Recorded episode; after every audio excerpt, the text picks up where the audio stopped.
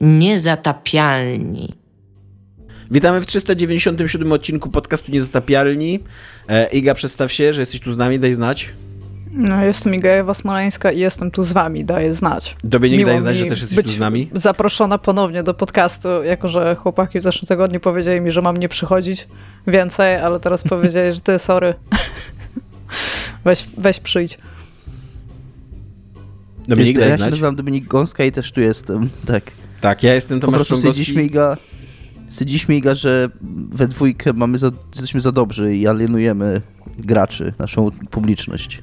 Więc potrzebujemy taki, po, taki głos z ludu, którym ty jesteś. Że oni po Takie, prostu... takie kotwicy, która was tak będzie w dół ściągać, tak? Ten, Tak, ten tak. motłoch giereszkowy nie jest jeszcze gotów na tak, tak, tak dobry, Tak. wysublimowany content. która, która Jak- będzie nas ściągać do, do poziomu takiego zrozumiałego dla normalnego człowieka. No właśnie. Mm.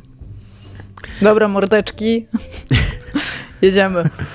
Będziemy dzisiaj rozmawiać, będziemy dzisiaj głównie follow-upować e, tematy, więc e, tak, przede wszystkim saga niekończąca się i najprawdopodobniej nieskończona, nie, nie, nieskończąca się, niezakończona w niedalekiej przyszłości, nie taka, że się nie skończy w przyszłości niedalekiej. Niedomknięta w najbliższej przyszłości pozostanie. N- Nie tak, niedomykalna. y, Czyli Microsoft próbuje kupić Activision Blizzard, ale nie bardzo mu idzie, a jak mu idzie, to zawsze ma jakiś krok do tyłu, wtedy też musi zrobić i tak dalej.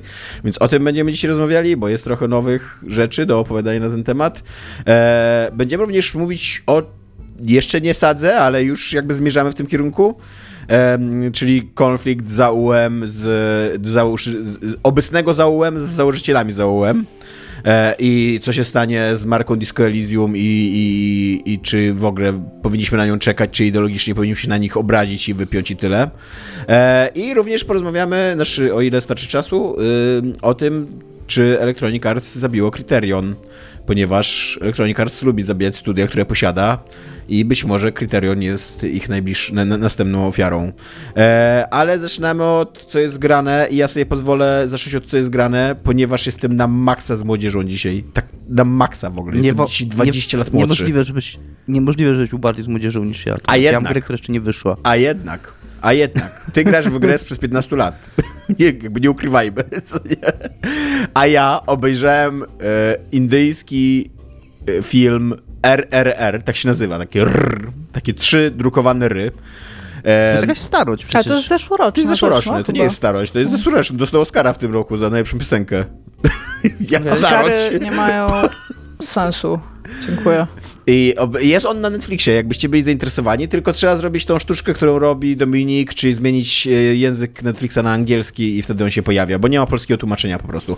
Ale jest stosunkowo mało dialogów w tym filmie i jest bardzo prostym językiem mu- jakby ten, ten, ten język, y, znaczy ten, ten film, co nie, posługuje się bardzo prostym językiem. To też wynika trochę z tego, że jedna z postaci jest niewykształcona i to jest ważna część jakby tej persony, tej postaci. Ale angielskie napisy są, rozumiem, nie oglądałeś po... Ja oglądałem w ogóle po angielsku, bo uznałem, że skoro w Aha, Indiach okej. jest, jest jakby wersja i, i y, w tych językach indyjskich, nie wiem w którym, y, i jest też wersja po angielsku i stwierdziłem, że skoro, skoro w Indiach angielski jest językiem oficjalnym, to bez przesady, mogą obejrzeć dubbing angielski. Podejrzewam, że nawet go ci aktorzy oryginalni robili, co nie? E, więc tak, oglądałem go po angielsku. Jest to absolutnie fenomenalny film. 11 na 10, który polecam wszystkim.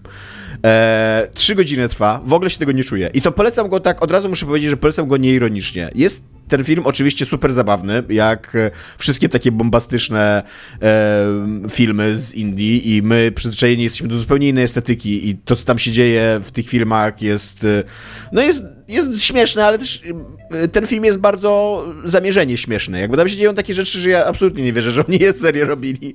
On jest po prostu zabawny, jest dowcipny, to jest dobra komedia, a przy okazji to jest absolutnie rewelacyjny film akcji i taki... E, tam, są, ta- tam, tam jest. To jest film, zacznę od początku. To jest film opowiadający. On się w ogóle nazywa RRR, dlatego że to jest e, kooperacja, taka ko, koprodukcja trzech gigantycznych gwiazd indyjskiego kina. Czyli e, takiego reżysera, który się nazywa. I będę niestety tutaj teraz masakrował indyjskie nazwiska, ale no nie mam pojęcia, jak się czyta te nazwiska, co nie? Jest reżyser, który się nazywa S.S. Rajamouli. Jest aktor jeden, który się nazywa.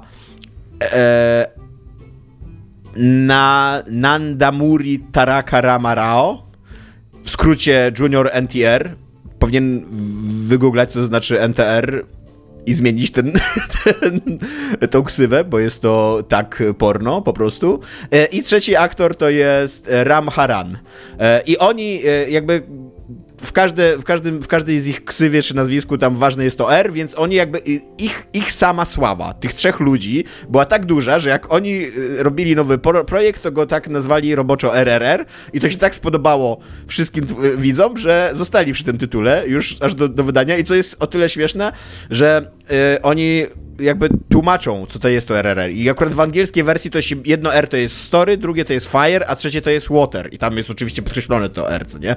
Ale jako, że ten film tam ma z 20 wersji językowych, bo w Indiach się mówi w milionie języków, to oni w każdym filmie musieli trochę inaczej wymyślić, o co chodzi z tym RRR. W każdej wersji językowej musieli trochę inaczej wychodzić, wymyślić, o co chodzi z tym RRR, co nie?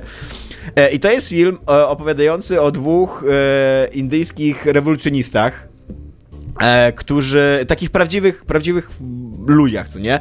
Sitarama Raju e, i Komaram Bach, Bhem, bez, bez A tu żadnego, Bych, E, E, co nie? E, I to są tacy, tacy ludzie, którzy walczą, autentycznie istniejący ludzie, historyczni bohaterowie Indii, którzy walczyli o niepodległość Indii wobec tam kolonialnej opresji ze strony Wielkiej Brytanii. E, tylko jakby ich ścieżki raczej się nie splotły. Y, z tego co wiem, z tego co tak przeczytałem sobie na szybko, to ich ścieżki się nie, splotły, a na pewno nie byli przyjaciółmi, na pewno nie brali udziału jakby razem w tej walce, co nie? Ale tutaj jakby totalnie zignorowane, totalnie sfikcjonalizowane ich sposób, ich życiorys, ich sposób tam walki i działania i tak dalej. I są przedstawieni jako tacy, e, tacy właśnie dwaj bojownicy, którzy walczą na różne sposoby um, o jakąś wolność, niepodległość Indii i tak dalej. Właśnie z gubernatorem angielskim, dowodzącym kolonią e, indyjską, który jest grany przez Roya Stevensona, czyli tego aktora, którego możecie kojarzyć z Rzymu e, i który jest w ogóle przecudownym takim czarnym charakterem, takim czarnym charakterem na 150%, co nie? I na początku sobie myślisz, że kurde, ale przyrysowany czarny charakter, ale później sobie myślisz, kurde, to jest gubernator kolonii, co nie? Jest to uczciwe, że to jest bardzo zły człowiek, co nie? E, i, e, I to jest coś takiego, jakbyśmy my, Polacy, na przykład nakręcili film o takiej e, mm, Best Friends Forever, zrobili z Piłsudskiego i, i Trauguta, co nie? Czyli, że tam dyktatora powstania styczniowego. I to centralnie tak, że oni się poznają przez przypadek, nawiązują taką zajebistą przyjaźń. W ogóle i to jest jako, że, to, że, że Bollywood ma swoją tam estetykę, to to jest taka przyjaźń, że oni po prostu śpiewają piosenki razem, tańczą razem, tam biegają po polach i trzymają się za ręce, e, noszą się na barana się i tak dalej. Słucham? Bawią, skaczą, pływa... czy razem się bawią, skaczą, pływają jak żółw i tuńczyk? Tak, bawią się, skaczą, pływają jak, jak żółw i tuńczyk, dokładnie. E, i, i, I oczywiście obaj ukrywają jakby swoje motywy, bo to jest wszystko wielka tajemnica, wielka konspiracja, obaj mają trochę inne podejście do tego, jak walczyć e, e, z tą opresją i, e, i, i taki na przykład są takie sceny w stylu, że trafiają tam na, na, na, na bal takiej e, angielskiej arystokracji, angielskiej szlachty, która oczywiście tak tańcuje jak to arystokracja, tak mega sztywno, a oni tam zaczynają tańczyć e, taką ludowy, ludowy jakiś taniec, albo w ogóle wymyślony tego filmu, ciężko mi powiedzieć, e, indyjski i, e, i po prostu wygrywają bitwę na taniec z Anglikami? I wygrywają ją tak bardzo, że angielskie lady w pewnym momencie stają po stronie tych e, Hindusów, co nie? I mówią tam do, do swoich dżentelmenów, że tam znaczy... odczepcie się, dajcie im teraz tutaj tańczyć, co nie? Bo to jest zajebiste, co się dzieje. E, czy, czy one tańczą synchronicznie w tle, te panie? Tak, tak, oczywiście, okay. Tak. Oczywiście, że tak. To jest, ten film ma bardzo dużo z musicalu, nie? To jest totalnie takie kino akcji w, wymieszane z musicalem, nie? Jest też taka scena, e, w której um, jeden z nich um, jest batorzony i w trakcie tego batorzenia on śpiewa. I jakby, jak oglądałem tę scenę, to tak mi się wydawało, że to jest taka, wiecie, taki, taka metaforyczna tego śpiewania, że on jest batorzony i on tam śpiewa, jakby opowiadał o swoim konflikcie wewnętrznym, o swoich uczuciach i tak dalej, co nie? Ale na koniec, jak się kończy to batorzenie, to oni mówią, ten facet prawie, że wywołał rewolucję śpiewając, jedną piosenką, co nie? I tak nagle myślisz, kurde, on w, te, on w fikcji też śpiewał, jakby będąc batorzonym, co nie? To się działo naprawdę. I są autent... I też chciałbym powiedzieć, że tak, mówię, nieironicznie mi się ten film podobał. On ma świetną fabułę, mnóstwo zwrotów akcji. I, takich, i tak autentycznie takich zwrotów akcji, że coś się dzieje, sobie ja pierdzielę, co nie, co tu się dzieje, kurde, jaki jestem zaskoczony, co nie, tego się nie spodziewałem. Ma absolutnie rewelacyjne sceny akcji, takie w ogóle podkręcone do 12, eee, no, można czasem zobaczyć e, na jakimś Twitterze, czy na jaki, w jakichś takich krótkich rolkach, jak wyglądają te sceny akcji Bollywood, nie? Ale jak się ogląda całą taką scenę, tak, to, to trwa z 10-15 minut zazwyczaj taka scena akcji, to to robi niesamowite wrażenie. Ja sobie później czytałem um, recenzje amerykańskie, w ogóle jakby ten film jest chwalony na całym świecie. To nie jest tak, że to jest tylko tam jakiś indyjski przebójcy, nie? I na przykład w New Yorkerze bodajże koleś bardzo fajnie napisał, znaczy, nie wiem, koleś albo kolesiuwa, no człowiek osoba odpowiedzialna za tę recenzję, nie? Bardzo fajnie napisała, że e, to jest film, który uzmysławia nam, jak bardzo skonwencjonalizowane jest kino akcji na zachodzie. Jak my, I to jest, to jest autentycznie, że jest taka myśl, która we mnie została, co nie? Jak my jesteśmy przyzwyczajeni do tego, co się dzieje w kinie akcji i na przykład jak ja oglądam takiego jakiegoś, nie wiem, Johna Wicka, czy, czy coś takiego, tak? Dominik, coś bardzo się rozśmieszyło bardzo mnie rozśmieszyło, ale totalnie, znaczy nie na temat, ale nie a propos zupełnie tego, co ty mówisz, więc no ale jak już mi pozwoliłeś, to powiem. Mi się ten film pomylił z innym filmem, który miał tytuł Ry, ry, ry duże, ry, ry, ry małe. nie, to nie jest ten film, to jest e, ry, ry, ry, takie. Z 2004 tak. roku, ale rozbawiło mnie, że, że jest drugi film, który ma po prostu sześć ry. Może tych twórców z R w nazwisku jest więcej w Bollywood, nie? Więc jakby bo coś tam chciałem wygooglać i to mi wyskoczyło, więc tak, więc okazuje się, że nie miałem, moja intuicja nie była zupełnie mm, zła, ale to jest jakiś kiepski film francuski z a, tak, nie, to jest jakieś takie, tak, prehistoryczne jakieś takie terefery, nie? To jest kiniowca tak, właśnie, tak. też mi się wydaje, tak, no. tak, tak, tak, tak, tak, to nie, to chyba nie polecam tego filmu, nie nie obejrzałem go, co nie? Ale wiecie, jakby, jak oglądam, wracając do mojej myśli, jak oglądam Johna Wicka, to ja już, mnie już nic nie zaskakuje w tych scenach akcji. Jedyne, co doceniam, w, na przykład w Marvelach, w Johnach Wickach i tak dalej, to jest rzemiosło, jak to jest nakręcone, co nie? Jak się podkreśla, że to kręcili tam prawdziwi kaskaderzy, że nie było cięć i tak dalej, co nie? A jak oglądasz to RRR, to tam autentycznie się dzieją takie rzeczy, że myślisz, ja pierdzielę, co nie? Kto to to wymyślił, jak na to wpadli, co nie? Jest pod koniec taka scena, to nie będzie, to nie będzie spoiler, bo to jest też na plakacie pokazane.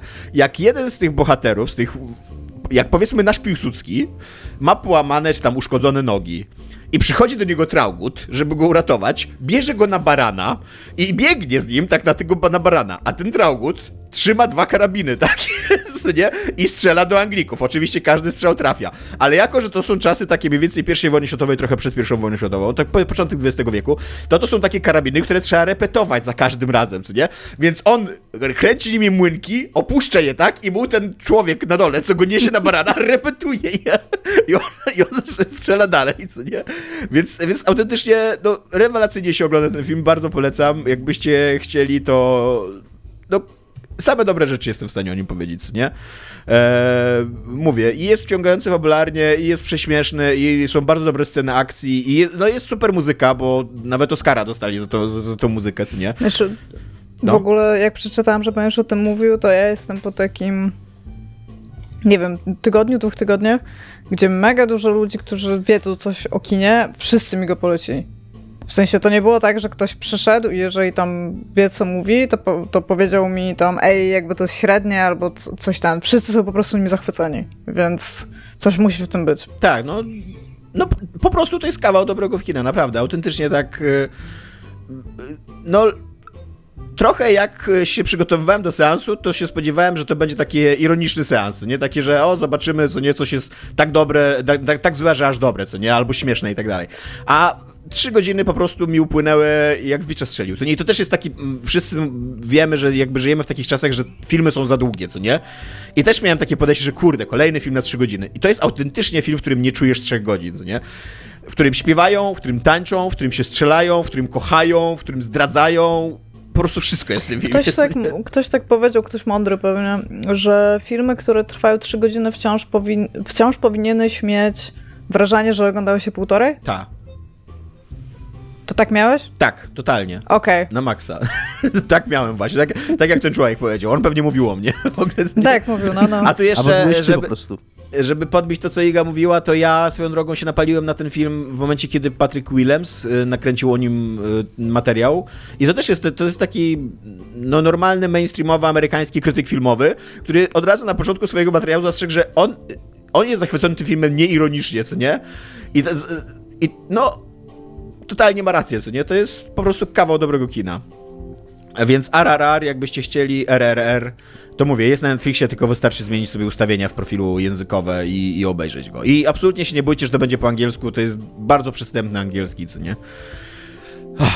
A ze smutniejszych wiadomości to grałem w Close to the Sun. Eee, And now for bad news. tak, tak. Jest to gra, jest to walking sim, który e, robi świetne pierwsze wrażenie, a później już go, już przestaje je robić. Drugie wrażenie już jest, Stęskniłam się za walking simami. Dawno nie było walking simów, co? Prawda. Tak. Ostatni taki walking sim, jakiego pamiętam, to jest chyba ta koma, która wcale nie była taka super, a teraz jak o niej myślę, to sobie wspominam, że super mi się w nią grało.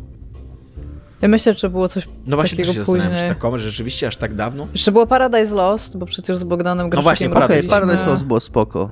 Paradise Lost było spoko, no.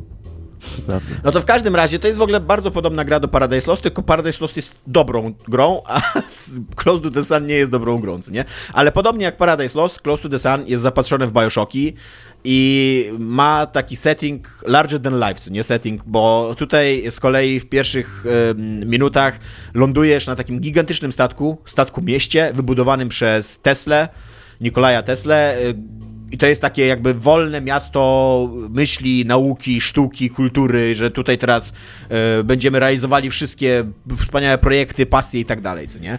I coś się na tym statku oczywiście wydarzyło, stracono łączność Czy to był hiperkapitalizm? Słucham? Czy to był hiperkapitalizm? Trochę, kinda, Okej. bo, bo nie tylko. Jak... A przez statek, a przez statek masz na myśli takie coś, co pływa, czy takie coś, co lata, czy takie coś, co w kosmosie jest, bo to może różne rzeczy znaczy. Takie coś, co statek. pływa, pływa na oceanie, tak. Albo takie... spaceruje. Taki klasyczny statek. Albo spaceruje. Albo spaceruje na oceanie, tak. E, I na, na początku jest tak, na początku chodzi o kinda kapitalizm, bo od razu się dowiadujemy, że on prowadzi, że Tesla prowadzi oczywiście jakąś taką wojnę podjazdową z e, Edisonem, Edisonem. Nie? ale później okazuje się, że oczywiście tam te eksperymenty poszły bardzo, bardzo źle e, i no i coś się wydarzyło, co nie, z powodu tych eksperymentów, stąd jest mnóstwo trupów, stąd jest cała taka atmosfera zagrożenia. Em, Jest to gra, która dosyć mocno się miejscami przechyla w kierunku horroru. Wychodzi jej to tak sobie, jest dosłownie jedna taka sekwencja, w której poczułem trochę emocji, a reszta to są takie sekwe- wyreżyserowane sekwe- sekwencje ucieczkowe, które jeżeli ci się jedna rzecz nie uda w trakcie tej ucieczki, to po prostu umierasz i O, to jest najlepszy horror Tak, design. to- to- to I jest- stealth design, Dokładnie. i ucieczka design na, najlepiej. Jeżeli zrobisz jeden błąd i musisz je powtarzać, wszyscy są zachwyceni. Tak, to- po to prostu coś gra, takiego, gracze to uwielbiają. że czujesz, czujesz emocje przez pierwsze 5 sekund, a później już po prostu się zastanawiasz, co masz nacisnąć, żeby to się skończyło, co nie? Mhm. E, I niestety, bo tam są dwa zagrożenia. Jedno jest takie jest- bardzo ludzkie. No. To jest, Tomek, dobra metafora życia swoją drogą. No, na początku przez 5 minut ci to ekscytuje, a później już tylko zastanawia się, co nacisnąć, żeby to się skończyło. No. w którym się skacze. Cytując Magikę, przepraszam. E, I co ja byłem, na jakiej myśli byłem? Że nie, jest, nie wychodzi je za bardzo horrorowość, bo są dwa zagrożenia A, i się ucieka. Są dwa zagrożenia. Jedno jest ludzkie, A drugie Nie będę spoilerował, potwory, ale ale- potwory ale był w tamtych czasach był jeden bardzo groźny człowiek na ziemi. Do dzisiaj go wspominamy, więc, e, więc jedno jest ludzkie. E, a Ja musiałam tylko powiedzieć, że Edison też był tak raczej w historii bardzo takim asshole, nie? no On tak, tam ale nie był, ale nie był słonie groźny, nie był mordercą, co nie? Przynajmniej No, nic o tym nie wiem. Zabijał zwierzęta, jakby był psychopatą. E, a drugie jest takie nadnaturalne właśnie, tam wynikające z jakichś tam kosmicznych eksperymentów i tak dalej. I niestety design potworów jest totalnie beznadziejny. Jakby tam nie, nie ma... Czy są prądem? Tak, tak. Wow, nawet ja nie wiem nic o tej grze, ale jak tam jest Edison i Tessa, to mu, te potwory muszą być prądem, Tak, bo jakby... i nie ma, nie ma bata, żeby się ich bać, nie? Żeby one budziły jakiekolwiek Ja się emocje. trochę boję prądu. Iga, nie będziesz się ich bać. Nie, nie, nie ma bata po prostu. No, nie ma bata i tyle. Czekaj, wpiszę sobie Close to the Sun Monster i jeżeli teraz będę krzyczeć, to wie, widzowie będą wiedzieli, że... Widzowie. Swoją Słuchacze drogą będą historia jest pełna takich... Historia jest pełna, znaczy pełna. Mam drugi przykład takiego Wow. jak To już e, Tesli i jak- Edisona. Jak Tesli i Edisona, bo w zeszłym odcinku mówiłem o tam tej koncepcji fizycznej z, z, z, z tym, że, że przestrzeń jako, jako coś Nie fizycznego boję nie się istnieje. ich. Tomek, miałeś rację. I I, I tylko nawiązując do tego chciałem powiedzieć, że w ogóle ja wiedziałem, że, że jakby, że rachunek różniczkowy został wymyślony jakby jednocześnie w dwóch miejscach świata i to był Newton, co każdy wie, i Leibniz jednocześnie wymyślił. A teraz jak właśnie jak googlałem o tej sprawie z zeszłego tygodnia, to się okazało, że to była podobna historia, że tak naprawdę przypuszcza się, że Leibniz to pierwszy wymyślił, ale Newton był potężny i był uznawany za guru w świecie nauki i miał dojścia i po prostu zawłaszczył to dla No, siebie. ale jednak Tesla i Edison mieli troszeczkę inne To prawda. Tak. jakby, które, tak, ale po, się po, podobna taka rywalizacja, no jakby w pewnym sensie. Ej, a Tomek, weź mi powiedz, e, zanim, zanim przestanę cię przerywać i będziesz mógł kontynuować, to powiedz mi, bo ta gra wygląda dosyć ładnie na screenach. Tak. Ona jest bardzo ładna. E, ona jest bardzo ładna pod względem Enviro. Po prostu, bo tam chodzisz po tym statku i ten statek jest yy, no cycuszko takie, totalnie, co nie? Mm, Na maksa. Wygląda rewelacyjnie.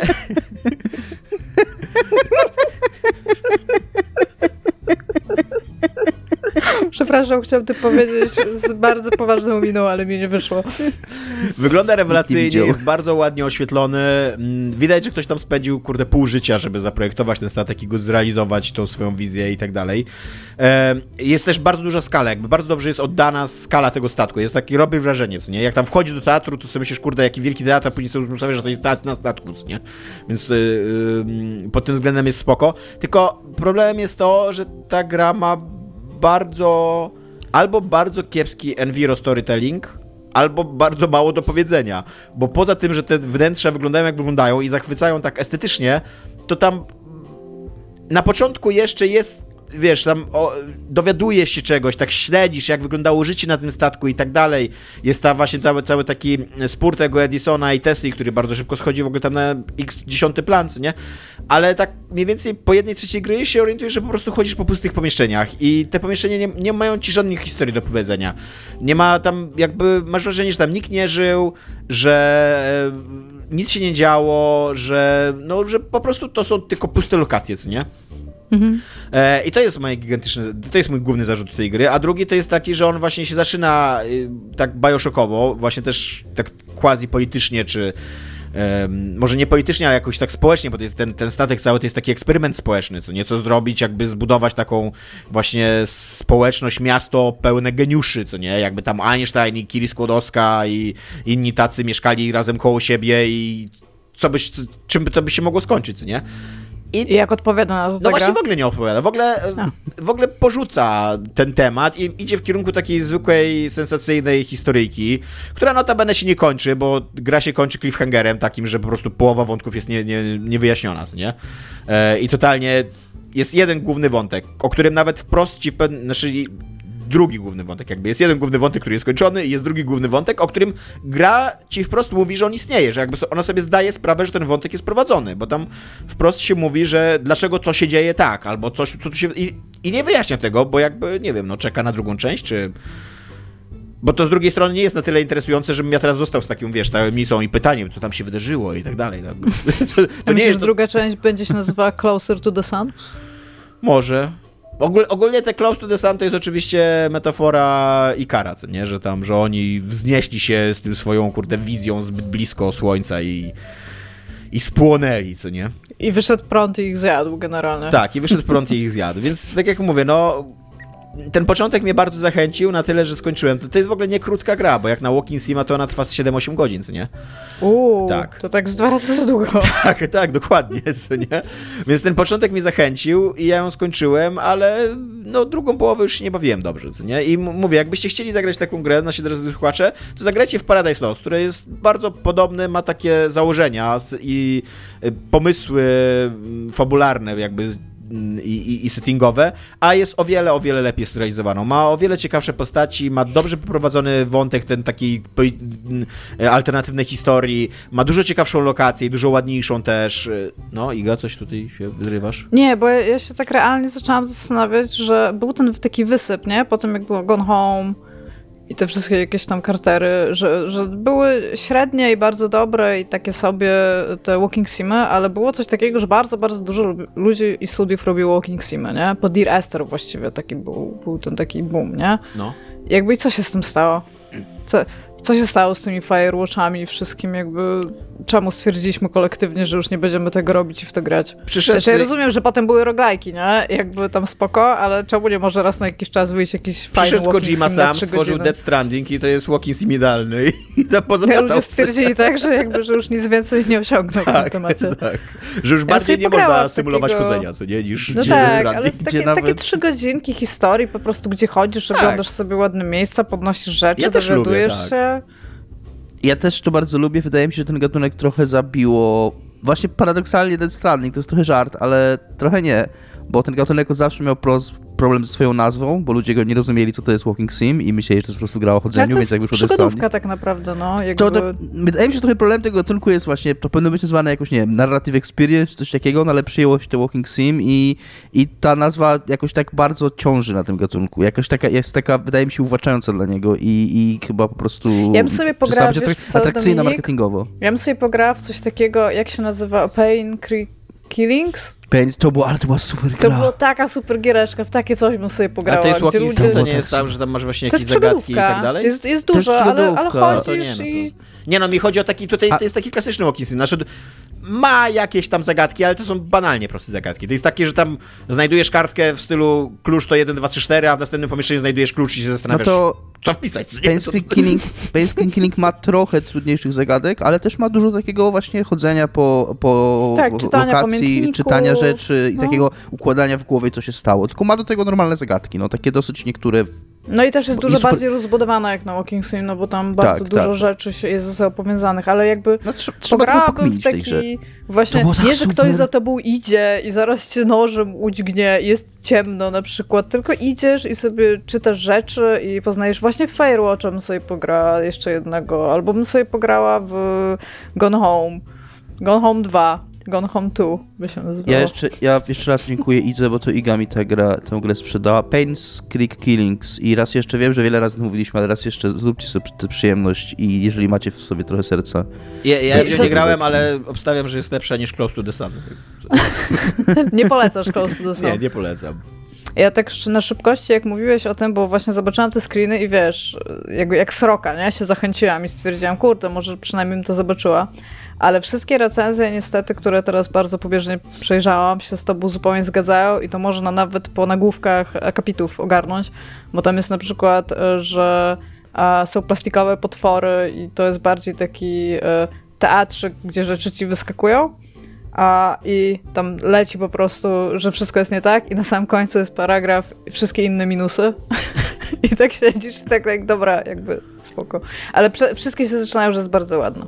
Tak, tak. No, jest ładna i ma tak właśnie, wiesz, ma to, co musi mieć gra Bioshockowa. Ma dobre wejście. Taki, te, to pierwsze Czy jest latarnia? Słucham? Czy jest latarnia? Nie, nie ma latarni, ale jest łódka za to. Okej, okej. E, ta, ta pierwsza godzina, kiedy ty właśnie z tej łódki wchodzisz na ten okręt, tam oczywiście jest jakaś masakra, tajemnica, nic nie wiesz i dopiero poznajesz jakby takie zręby tego świata, co nie? Tego, że to jest Tesla, że to Edison, że to jakaś alternatywna historia i tak dalej. To jest super. A później to mija i ta gra nie ma nic więcej do zaoferowania, nie? Niż swoją pierwszą godzinę. No, to tyle ode mnie. Iga, tymczasem co u ciebie i zaumków? Kurde, to jest, to jest dobre pytanie, Tomaszu, e, ponieważ, e, tak jak mówiłeś, być może to jeszcze nie jest saga, natomiast to, w jaki sposób się czyta wszystko, co się dzieje w związku z, z tym tematem, i tutaj przypomnę, a to był koniec jakoś zeszłego roku, bym powiedziała, kiedy, kiedy jakby wyszedł e, taki artykuł, nie wiem, artykuł, wpis na blogu, o tak, może, e, pana Luigi, który mówił o tym, że e, ludzie, którzy założyli stowarzyszenie artystyczne, tak, tak to się nazywało, Zaum, zostali zwolnieni z firmy. Tutaj jeszcze przypomnę dla ludzi, którzy nie pamiętają, Zaum to jest e, firma odpowiedzialna, znaczy studia odpowiedzialne z Disco Elysium, czyli taką grę, którą ochrzciliśmy jednogłośnie grą roku, tudzież dekady. Najlepiej napisaną grą chyba kropka.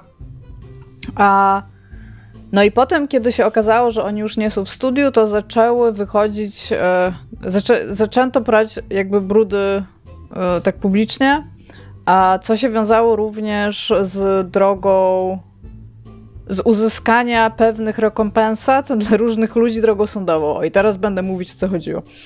A, I teraz tak. A dwoma ważnymi postaciami w, za, w tym teamie zakładającym Disco Elysium, by, znaczy Disco Elysium Zaum, był Ros, Aleksander Rostow i Kurwic. I teraz Kurwic, nie pamiętam jak ma na imię, ale nazwisko tutaj jest ważne. Robert Czym, chyba. Robert, o tak. A oni chcieli pozwać Zaum znaczy, oni w ogóle twierdzili, że zostali zwolnieni, dlatego że zaczęli zadawać za dużo pytań odnośnie do tego, co zaszło w firmie, ponieważ byli stuprocentowo przekonani, że doszło do nielegalne, nie, nielegalnego, no właśnie nawet nie prania pieniędzy, tylko sprzeniewierzenia środków spółki, którą jest Zaum, przez nowych w tamtym momencie e, dyrektorów. Tak? I to był jest bardzo dużo różnych nazwisk tutaj, więc przepraszam, bo muszę to czasami sprawdzać. E, to był pan, który się z tego co pamiętam nazywał Kompus, a drugi się nazywał. Mogę sobie spisać te e, nazwiska. Mm, dajcie mi chwileczkę, już wam mówię.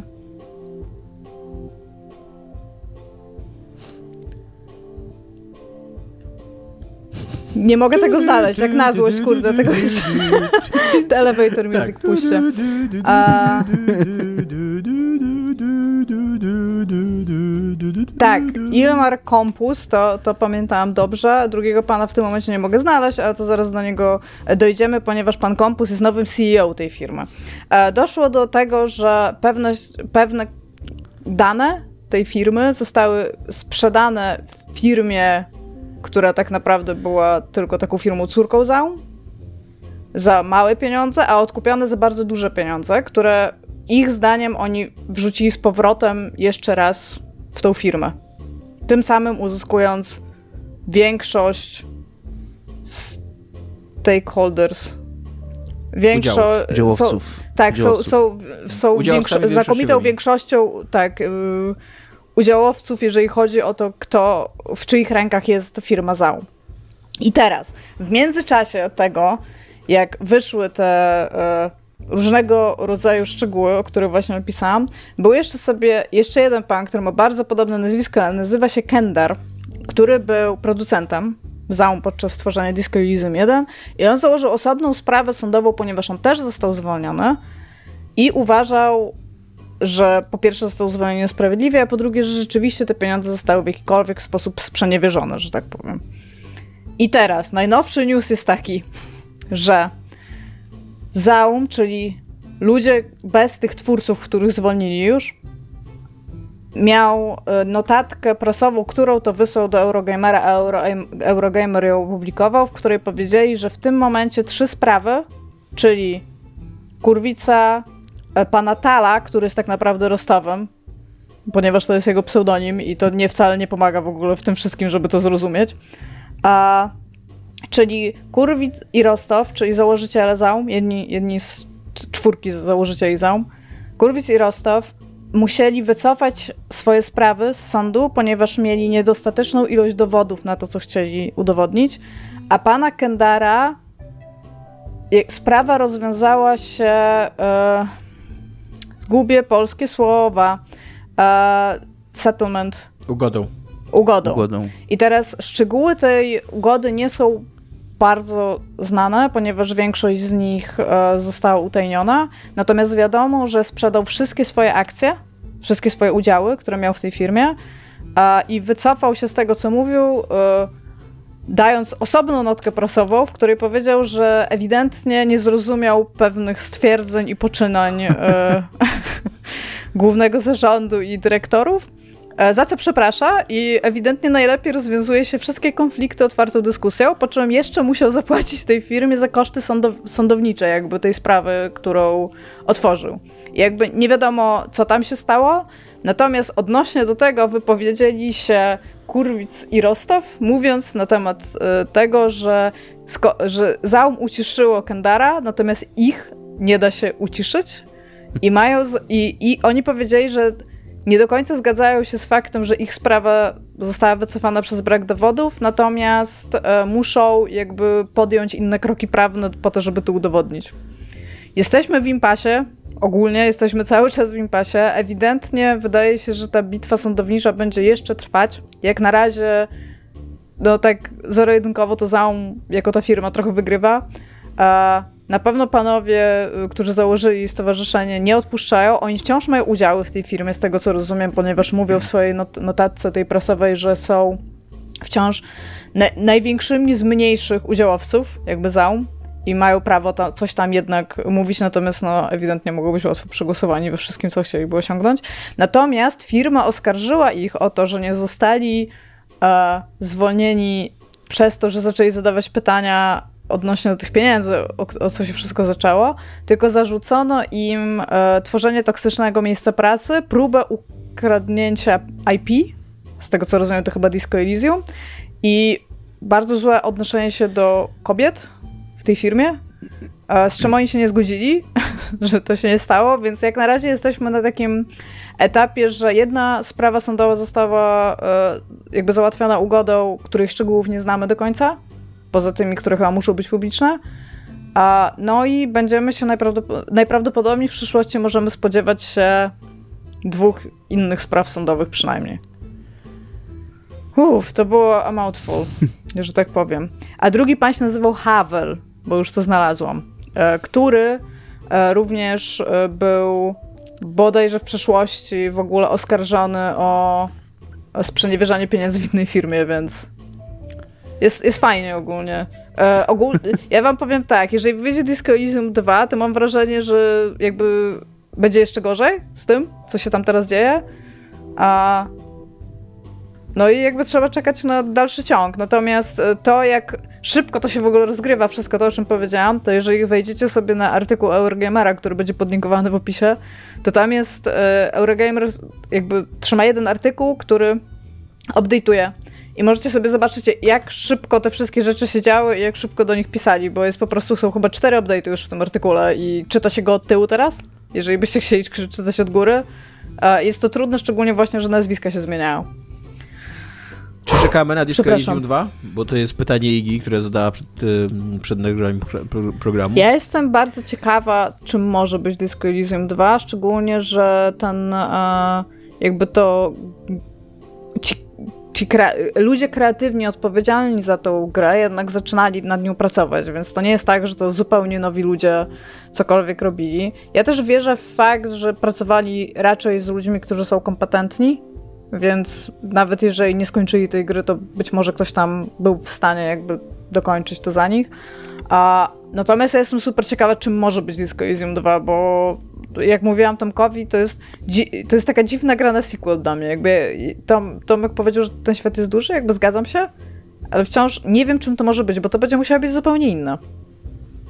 Ja mam coś takiego sobie myślę, bo to Iga, co, co teraz powiedziałaś, mi trochę uderzyło bo my z całą miłością, jaką mamy do Disco Elysium i do jego twórców takich najbardziej medialnych, czyli Kurwica i Rostowa, tak? tak. Którzy stali się takim, e, e, takim symbolem tej gry i oni wielokrotnie mówili o tym, e, jak to z ich młodzieńczych w ogóle lat cały ten, cały ten świat się, się wy, wysnuł. To oni nie zrobili tej gry we dwójkę i jakby musimy być uczciwi, to co zawsze podkreślamy, że tam to nie David Cage robi grę, to nie Ken Levin robi grę i jakby Ale musimy tą samą logikę.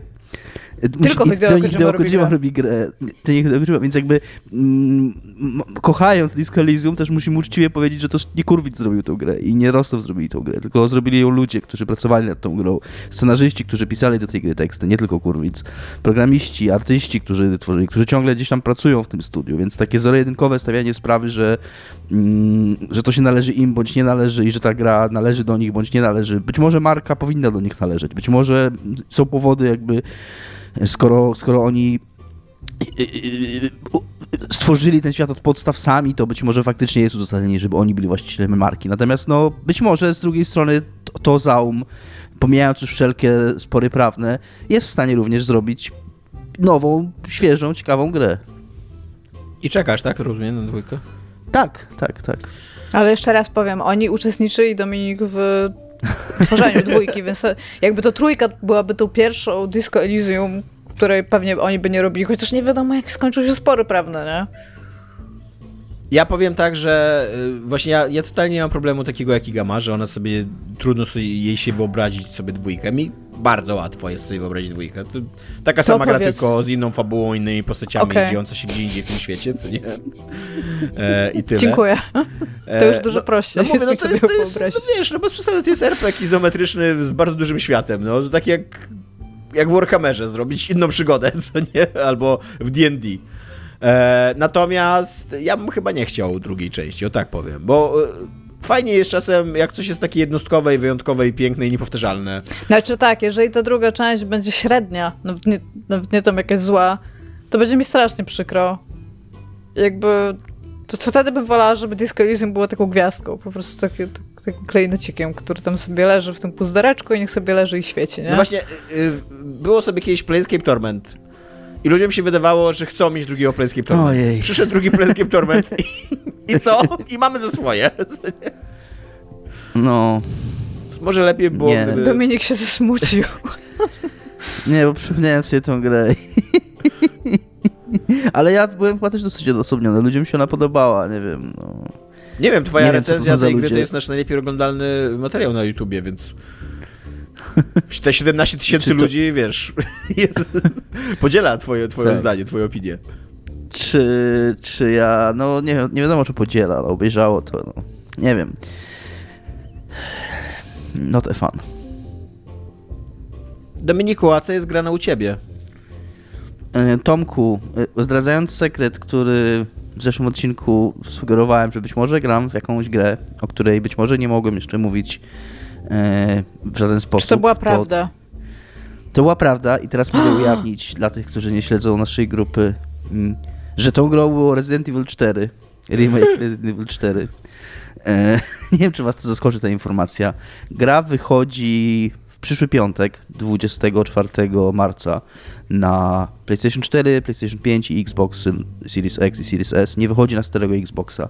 A na PC-ta? Na PC wychodzi, tak, przepraszam, jeżeli nie powiedziałem, tak jak najbardziej. E, I jest to Na remake? Resident Evil 4. Na stadie nie wychodzi, nie. A na uje? E, Nie wychodzi również, nie, nie, nie wychodzi również na GeForce Now, e, bo chyba gier GeForce Now, chyba gier Capcomu w ogóle za bardzo nie ma na GeForce Now. A trochę mi szkoda, bo wtedy mógłbym zobaczyć, wtedy mógłbym wziąć do recenzji wersję PC-ową, która by lepiej wyglądała. Więc jak już o tym mówię, to zacznę od tym. Ja gram na PlayStation 4, niestety, Powiedz, stety. dlaczego nienawidzisz tej gry, tak? Nie nienawidzę tej gry, to jest bardzo okej gra. Mm, tylko, że to jest Tutaj gra, cienki która... lód, jakby bo stąpasz po nim. E, Jest miliard fanów Resident Evil 4. To jest gra, która jest remake'iem... Dominik dał tej grze Resident- tylko 8 na 10. 10 na 10 na każdym rogu stoją, a Dominik dał 8 na 10. W zasadzie Ja szanuję zamordował ja- w ogóle dwóch game devów, co nie? Nie, ja y, powiem szczerze, y, skoro już mnie tak wy, wytrąciłeś z rytmu. Y, ja dałem tej grze 8 na 10, ponieważ ja nie jestem fanem tego Resident Evil, który Resident Evil 4 reprezentuje sobą. Jest to, ja grałem w czwórkę krótko, y, bo uważam, że ta gra, ja nie, nie grałem w nią kiedy ona wyszła, grałem w nią po przejściu dwójki, kupiłem remastera na Xboxa, pograłem, pierwszą lokację przeszedłem, I, I po prostu nie chciałem się w to grać, bo to się fatalnie gra. Ta gra była przełomowa w swoich czasach, to była chyba pierwsza gra konsolowa TPP, która tam zamiotła pod dywan i nagle z serii, która była znana z y, statycznych ekranów, takich prerenderowanych i chodzenia ludzikami po nich, czyli to, co Tomek robił ostatnio, e, stała się strzelką TPP i jakby no zatrząsło to światem. Dzisiaj ta gra nie trzęsie niczym. Dzisiaj ta gra mm, jest po prostu słaba Mm, i nie boję się tego powiedzieć. Jeżeli chodzi o taki gatunek jak strzelanki trzecioosobowe, pierwszoosobowe, w ciągu tych tam 15 lat od wydania Resident Evil 4 się tak dużo wydarzyło, że wydaje mi się, że w pewnym sensie Trzy oryginalne rzeczy Resident się Evil... wydarzyły, co najmniej. Trzy rzeczy. E, e, że tak oryginalne Resident Evil z tą statyczną kamerą być może nawet broni się w dzisiejszych czasach lepiej niż takie Resident Evil TPP. E, Resident Evil 4 Remake jest oczywiście powiedz, zrobiony y, współcześnie. ja ci jeszcze raz przerwę, bo ty powiedziałeś, że grałeś w remastera? Był jakiś remaster e, R4? Znaczy, no, rem, no taki remaster, no po prostu podciągnięta rozdzielczość i tyle, nie? I, i, i, i wyszło to, to normalnie można kupić na Xboxie, tak?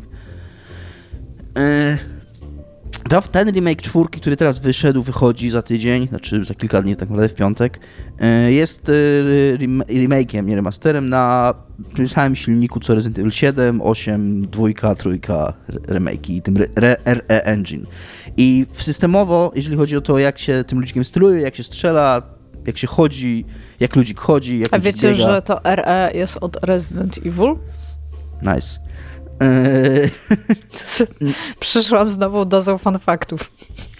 eee, to, to się w to gra identycznie jak w dwójkę, tak eee, jeżeli chodzi o, wiesz, takie jak zaczynasz grać w tą grę, okej, okay, myślisz sobie, okej, okay, tam byłem w tym miejscu, tak, tak się w to gra. Natomiast jeżeli chodzi o to, jak ta gra jest zaprojektowana, no to ona zgaduję, pomówię, grałem w oryginał czwórki krótko, ale naczytałem się o tej grze, o niej trudno było się nie naczytać przez te lata, jak się cokolwiek miało wspólnego z grami wideo, to czwórka była już mocno strzelanką i Resident Evil 4 Remake też jest mocno strzelanką. Mm, może nie do końca, może nie jest dobrym słowem strzelanką, ale grą akcji. Taką stricte grą akcji. Tam w zasadzie suspensu jako takiego już, takiego, który był, mm, tutaj nie, nie chcę się znowu z Igą kłócić, czy dwójka Resident Evil to jest horror, czy nie, no ale takie przynajmniej elementy suspensu. Nie no jest. Czy, w sensie miał. wszystkie Resident Evil to są horrory. Y, a czwórka w tym sensie, moim zdaniem, to już jest po prostu czysta strzelanka. I y, nie wiem, czy ja się też uodporniłem trochę na jumpscary, ale wydaje mi się, że nie. Y, że po prostu też inaczej, inne, na tobie wrażenie robi na taki prosty jumpscare, że idziesz mostem i most się zawala pod tobą, tak? Ale jeżeli masz wokół siebie tam, jest, jest to dzień, jest wioska, jesteś na arenie, jakby cała, cały jakby, wiesz, mm, cała otoczka tego, co się dzieje, to jest taka fantazja o bieganiu po lokacji i naparzaniu do zombiaków z kałacha i, i tam, no nie z kałacha, no ale tam z jakiegoś shotguna i, i, i jakiegoś jakiś karabinu. Cięcia i ich piłą. Tego typu. Tak, tak, nie, piłą akurat się nie tnie, no ale yy, i yy, to, to jakby nie robi na tobie takiego wrażenia i yy, więc y, dlatego dałem chyba 8 na 10, bo po skończeniu tej gry ona mnie pozostawiła takim, grało mi się w nią super, jakby uważam, to jest fenomenalnie zrobiona gra, ma świetny pacing, jak to Iga lubi mówić, taką dramaturgię, tak po polsku, yy, że masz takie właśnie momenty, takie górki, że tam napieprzasz tych zombiaków, a potem trochę eksploracji, trochę chodzenia, yy, trochę zagadek, potem trochę znowu trochę takiego napieprzania. Trochę dużo tego napieprzania jest na początku, więc dam wam radę, że ona trochę złe wrażenie sprawia na początku, bo jest bardzo duże nagromadzenie tych takich arenowych strzelanin. Yy, to się uspokaja trochę później. Yy, więc to, się w nią super, natomiast to nie jest mój. Teraz, och, jakbym był tutaj, och, takim fanem Resident Evil od lat, bo tam odkryłem tę serię dwa lata temu. To nie jest dosłownie mój Resident Evil. To nie jest taki Resident Evil, który do mnie przemawia. Yy, taki, w którym się zakochałem grając w dwójkę i w siódemkę. To jest Resident Evil, który bliżej ma do Gearsów niż do, niż do Resident Evil 2. Yy, I. I wciąż jest to bardzo ok, jest to bardzo fan. Leon ma super one-linery. Tam jest, jest totalnie takim kozakiem, co tam, mm, wiesz, jedną ręką strzela do zombiaków, drugą tam nożem ich jedźga, a tam w tym czasie jeszcze rzuca zabawne teksty błyskotliwe. Więc, więc gra się to super, ale, ale mówię, no takie mnie to pozostawiło że spoko, spoko, ale. I ty jeszcze masz taką nie... myśl, że już mieliśmy remake, tak? Resident Evil 4. A, właśnie, to jest. I tak, niestety trochę ciężko mi. Mm, wiem, że to ludzie na to dziwnie reagują, ale trochę ciężko mi jest odejść od faktu, że wyszła taka gra dwa lata temu, która się nazywa Resident Evil Village, która była bardzo podobna do Resident Evil 4. To znaczy, jeżeli chodzi o lokacje, jakie w niej były, tam się zaczyna się, jakby cała struktura tej gry jest. Teraz to wiem, ja nie grałem w czwórkę. Słyszałem to wtedy od ludzi, którzy grali w Resident Evil Village, na przykład od Adama Piechoty, z którym też ostatnio gadałem trochę na ten temat, że on jak grał w Resident Evil Village, to bardzo czuł, że to jest nie, nie tyle remake, bo jasne, bo to jest nowa gra, ale w pewnym sensie taka reinterpretacja czwórki. Taka czwórka zrobiona na nowo. I po czym teraz, dwa lata później, wychodzi znowu czwórka, tym razem zremakeowana i to jest takie trochę, taki trochę kurna już wąż zjadający swój ogon, zjadający swój ogon. Taki kurna już dwa węże w jakiejś, dziwnej konfiguracji splecione zjadają te swoje ogony. Trochę mm, Capcom wraz z Resident, Evil, z Resident Evil 7 trochę mm, zrobił ten... O nie, Resident Evil 7 był pierwszy. Trochę, trochę mieliśmy takie wrażenie, że, że Capcom zaczyna, wskrzesza tą serię, jakby bardziej idzie w stronę no, horroru Ale siódemka to była jedynka, nie? Tak, tak, dokładnie. Czyli, no, o tym właśnie mówię, że, że Capcom jakby stara się, jakby siódemką starał się powiedzieć, że będzie teraz robił Resident Evil od początku. Czyli zrobił nową jedynkę. inną jedynkę. Po czym zrobił dwójkę, która była w zasadzie no ale oryginalna dwójka była mocno inna od, y, od tej dwójki, bo była z statyczną kamerą. Trójka tak samo, była abstrahując od jej, od jej odbioru, też była jakoś tam inna. Później było Village, które znów mm, było w pewnym sensie czwórką. Czyli jakby idą po kolei. Po czym nagle robią drugą czwórkę i to jest takie... Mówię, ja ci powiem dlaczego, grę... jakby, bo to ma sens. To ma sens y, historyczny. Na zasadzie masz ludzi, którzy nie grali w jedynkę, dwójkę, trójkę, tak? W sensie masz tych ludzi, którzy nie grali w te gry. Jakby teraz skoczenie do tego kochania, bo to jest jeden z najbardziej popularnych IP w tym momencie na rynku. I czwórka to jest właśnie, tak jak mówisz, gra, o której się chyba najwięcej pisało. Więc zrobili czwórkę dla tych ludzi, żeby mogli sobie pograć w czwórkę. No ale to teraz według tej logiki to następne zremas nie zremastrują, tylko z... Zremakują? Zremakują Code Veronica, tak? Bo piątka i Ale Code raczej... Veronica jest, to jest bardzo zła gra, jakby ja mam nadzieję, że nie, nie będą... No nie no, internet zda... kocha Code Veronica. Ja, ja nie wiem, Moim bo ja nie zdaniem... grałem, czy nie? Moim gram, zdaniem teraz, to... żeby zachować tą logikę, oni teraz powinni zremakować jedynkę tak wprost remakeować jedynkę na silniku dwójki. Bo dotychczas mieliśmy Resident Evil 7, które było w pewnym sensie jedynką, ale nie wprost. Mamy ten remake, ale to jest ten stary remake, który jest ze statyczną kamerą. Ty, ty masz rację, ludzie kochali Weronikę. No. Więc dziękuję w ogóle, że mnie słuchacie, wow. Nie, bo to jest dla mnie dużo ważniejsze, bo ja pamiętam, jak grałam w Dreamcastie w Weronikę, mam ją, więc ja sobie powtórzę po prostu i nie będę tutaj... Gadajcie sobie kod Weronika. E, no, ale, ale po, jakby abstrahując od tego, dlaczego to zrobili tam, zrobili to po, po pieniądz, tam wiadomo, tam nie, ma, nie ma co się na tym zastanawiać. To jak się gra w tą grę, to już tak na poziomie asetów po prostu idziesz przez tą wiochę mm, w Resident Evil 4, która jest nową wiochą, zrobioną na bazie starej wiochy i ty widziałeś już tą wiochę trochę. I ty idziesz później do zamku, bo ta gra jest, ma taką samą strukturę. Sobie wiochę, później masz zamek, później masz jakąś tam kopalnię, która to jakby to są wszystko te same kawałki. Y, sama struktura tej gry, że masz, że jakby w każdym biomie, nazwijmy to, tak, mm, masz jakiegoś władcę tego biomu, czyli tam y, w pierwszym jest jakiś tam szaleniec, w drugiej jest jakiś tam przebieraniec, y, trochę wampiro, trochę taki gotycko-wampirowy. Jakby to wszystko jest identyczne. To są inne jakby mm, w detalu one są inne te elementy, ale tak koncepcyjnie ty masz wrażenie, że kurwa już grałeś w tą grę. Ja przynajmniej miałem takie wrażenie, że, że, że, mm, że fajna jest ta czwórka, super się w niej bawię, ekstra się w niej strzela, ale mimo, że nie grałem w czwórkę, to ja już grałem w tą grę, grając w Village. I jakby to brzmi głupio, może. Dla mnie to był duży problem. To był taki, pomijając to, że, bo to jest subiektywne, że tam, że wolałbym więcej horroru, mniej strzelanki.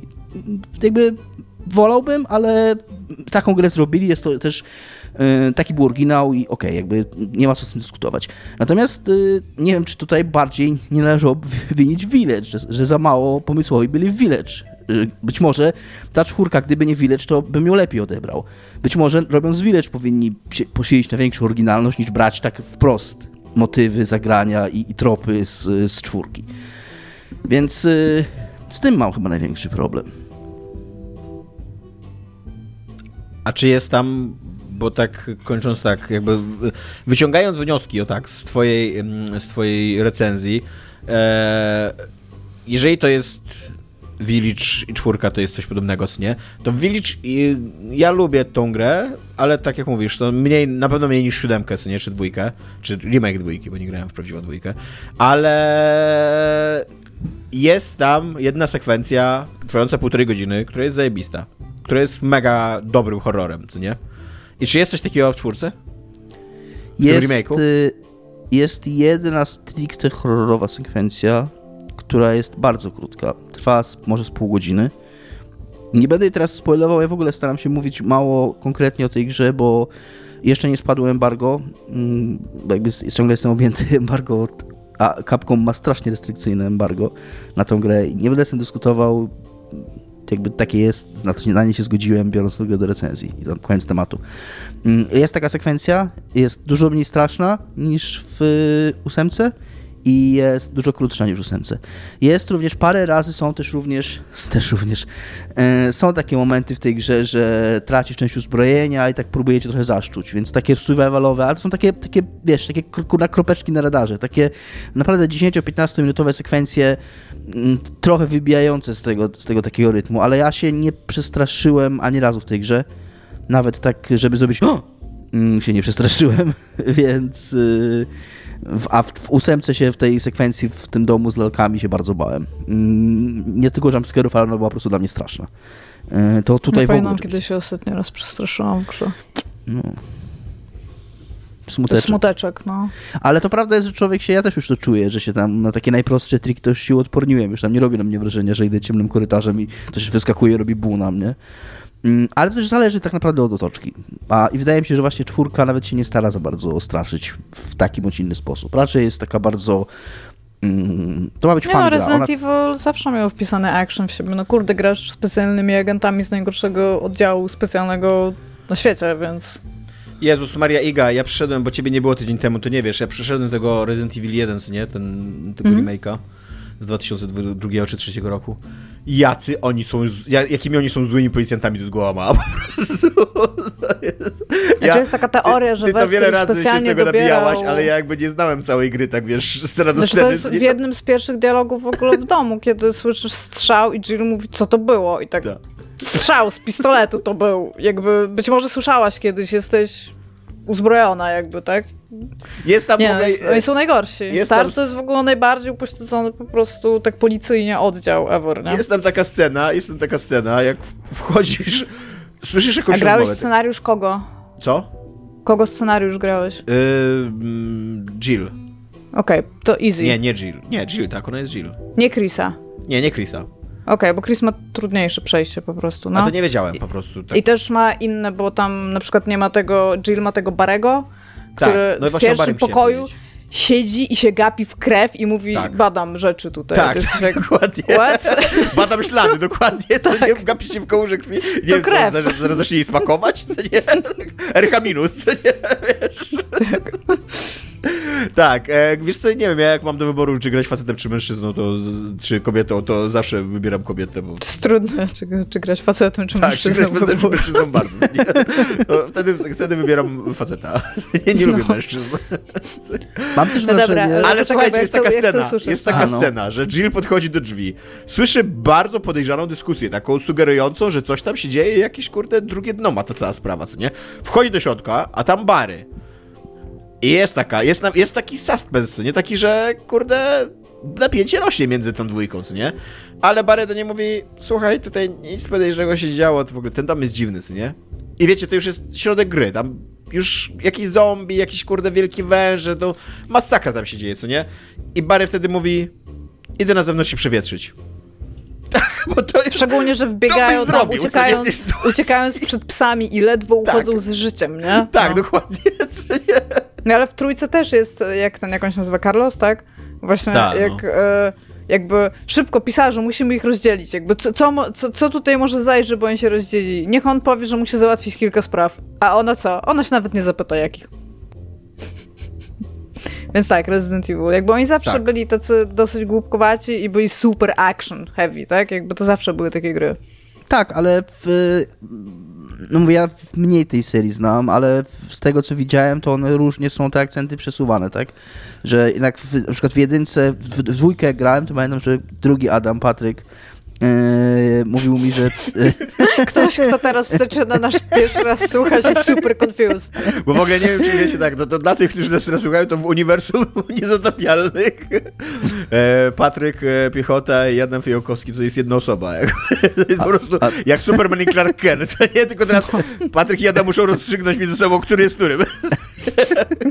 I on na przykład mówił mi, że i ja też się tego nauczyłem i to było fajne, że czasami przemoc nie jest odpowiedzią, że czasami przed tymi zombiakami się po prostu ucieka, że czasami opłaca się przed nimi uciekać, że czasami, że czasami brakuje amunicji, żeby do nich strzelać, że ta gra jest tak zaprojektowana. Czwórka totalnie taka nie jest. Czwórka jest totalnie guns blazing, za przeproszeniem, dwa kałachy, znaczy nie, nie tak, no ale tak, jak w tym ja filmie. tylko chcę powiedzieć, że po tym, kiedy tam właśnie Code Weronika i Trójka wyszły, to ta czwórka była taka przez, tak bardzo z entuzjazmem przyjęta, nie? Na zasadzie, że Ja- to wciąż jest jakby w DNA tej serii, tylko Jasne. tak jak mówisz, akcent jest przesunięty, no. E, Ja mam trochę też wrażenie, że ten remake, teraz powiem może herezję, ale też jestem stary i mam prawo do mówienia głupich rzeczy. To E, nie, Wydaje mi tak się, nie działa, ale spoko. ale bo nie wiem o co chodzi. E, Uważam, że ta gra jest trochę za długa. Mm, Że te 16-18 godzin, ona mniej więcej tyle zajmuje. Ona ma 16 rozdziałów, każdy trwa mniej więcej godzinę, może nawet więcej. E, I, I ona jest taka. na razie trochę wlecze, szczególnie pod koniec. Yy, strasznie mi się nie podoba to, że ona ma walki z bossami, to też tam znamy z To jest najgorzej. I powiedzmy masz bossa i ta gra robi dwa razy coś takiego, przynajmniej, tak, tak teraz yy, z pamięci, kiedy masz najpierw jednego bossa, a później, żeby było trudniej, to za kilka godzin masz dwa, tego bossa samego, tylko dwa razy I, i walczysz z dwoma takimi.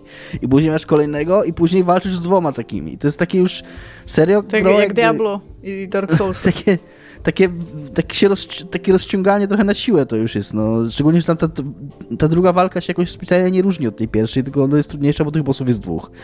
E, Albo są jacyś dodatkowi wrogowie, którzy biegają, biegają na arenie i jeszcze i utrudniają ci walkę z tymi dwoma bossami. Tomek 07 ma w ogóle taką teorię, że jak masz bossa z mobkami, to, to znaczy, że nie potrafisz zaprojektować dobrego kombatu. No i to być może wynika z tego, że, że raz jeszcze wracając, że, że ja nie jestem super fanem tej mocno nastawionej na akcji, na akcję e, od nogi Resident Evil, więc e, takie po prostu rozciąganie tą, tej gry przez wstawianie kolejnych aren, z, po prostu gdzie biegasz i strzelasz do wrogów, to trochę było dla mnie męczące.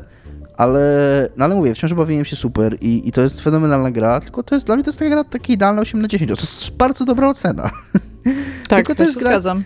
Która nie, jakoś nie zatrząsła moim światem, nie zamiotła mnie pod dywan. Grałem Pamiętam że, pamiętam, że jak Uncharted 3 dostało 8 na 10, to mało co ludzie nie zginęli od Eurogameru kiedyś. To nie jest dobra ocena. Grałem- Yy, Dwójka postawiła mu świat na nogi, jak, yy, jak w nią grałem pierwszy raz, ten remake. To nie jest moim zdaniem tej, jako, tej jakby tej Siódemka klasy postawiła gra. mój świat na nogi. Siódemka też. Zamiotła mnie pod dywan, siódemka. Dwójka i siódemka, tak. Yy, jakby, moim zdaniem dwójka i siódemka to jest jakby liga wyżej niż yy, Village i czwórka. Dobra, tymczasem e, Electronic Arts, tymczasem tak, pozostajemy w kategorii horror, czyli Electronic Arts morduje, chodzi i morduje. E, I tak, było sobie kiedyś takie studio Criterion, które było znane głównie z tego, że produkowało Burnouty, które były kiedyś, tutaj Iga i Dominik potwierdzą, były kiedyś kultową serią bardzo dobrych ścigałek, które miały pomysł na siebie. ja bym tak, najlepszych ścigałek. W pewnym momencie była to olbrzymia marka, taka, że praktycznie co roku wychodziła jakaś gra burnoutowa i trochę tak jak FIFA się czekało na nią.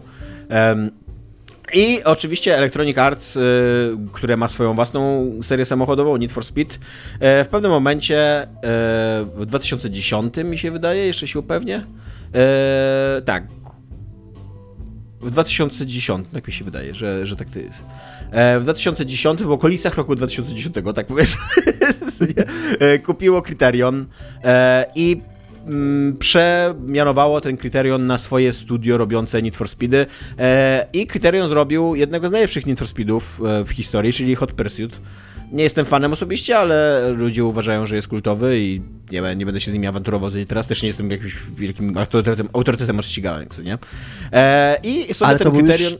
Co? drugi Hot Pursuit, to był już drugi Hot Pursuit, nie? Bo był kiedyś stary Hot Pursuit, który E, zrobił jeszcze... Zrobił w 2010 tego w Hot Pursuita. Tak, bo oryginalny Hot Pursuit wyszedł original. To był NFS 3 w ogóle się nazywał, Need for Speed 3 A, Hot no to- Pursuit. I to wyszło w 98 roku. No to tak, no to nie, to, to on zrobił Bo tego u nas- współczesnego Hot Pursuit, tak. Bo tytuły NFS-ów to są w ogóle gorsze od tytułów Call of Duty, naprawdę. Tam się powtarzają te tytuły, tam nie ma żadnych już numeracji i tak dalej, już nikogo to nie obchodzi. Czy tak samo Most Wanted są dwa. Są nawet chyba dwa Most Wanted 2 w ogóle na tym etapie, więc E, tak, no i od, szaleństwo. i od tego... Electronic Arts kupiło Criterion Software, No, które wtedy było Criterion Software, ale też Criterion Games, w 2004. o, no to dużo wcześniej, no dobra. E, w każdym razie 2010 wychodzi Hot Pursuit, ten współczesny Hot Pursuit jest, staje się grą kultową i od tamtej pory e, Criterion zajmuje się Need for Speedem. E, aż do tego czasu, kiedy wydaje teraz w zeszłym roku, w grudniu, Unbound, który jest bardzo spoko grą, też dosyć dobre recenzje zebrał. Wrócimy do tego tematu jeszcze, bo w międzyczasie tylko powiem, że e, Criterion robił też dla e, Electronic Arts inne projekty. E, między innymi brał udział przy produkcji Battlefielda i Battlefronta. E, no i, i, i, i tak, i w pewnym momencie, i w pewnym momencie zaczęli pracę nad Unbound. I nie wiem, czy pamiętacie, ale w zeszłym roku Electronic Arts wyskoczyło jak Filip Skoropi i chyba w październiku czy w listopadzie ogłosiło, że ma, że ma nowego Need for Speeda i że ten nowy Need for Speed wychodzi za dwa miesiące. I dla nas, jakby, jak e, w październiku e, zeszłego roku, e, i dla nas jako dla odbiorców, jakby wiele razy tu wspominaliśmy, że to jest super, to jest super formuła, takie niehajpowanie tytułów, żeby po prostu ogłosić i on wychodzi i tak dalej. Aczkolwiek dla ludzi zainteresowanych sprzedażą tego tytułu, takie podejście do marketingu może być nie do końca satysfakcjonujące, ponieważ po prostu nie ma czasu, żeby zbudować fanbazę, jakieś oczekiwania, żeby ta maszkina na, hypowa się nakręciła, żeby ludzie czekali, żeby tam jakieś plotki były, newsy przeciekały i tak dalej, i tak dalej. Tylko no, masz dwa miesiące to jest bardzo krótki rozbieg, żeby sprzedać dużą grę, która kosztuje duże pieniądze i musi dużo sprzedać e, egzemplarzy, żeby się zwrócić i, i żeby zarobić, nie? I okazuje się, że najprawdopodobniej, znaczy, no nie okazuje się, najprawdopodobniej, bo są cały czas oczywiście te wszystkie dane są tajne i tak dalej, ale najprawdopodobniej wszystko wskazuje na to, że Need for Speed Unbound to jest jakaś komercyjna klęska i wtopa. To, że ta gra jest w 50% przecenach 2 czy 3 miesiące po premierze jest, pewną, jest pewnym jakby...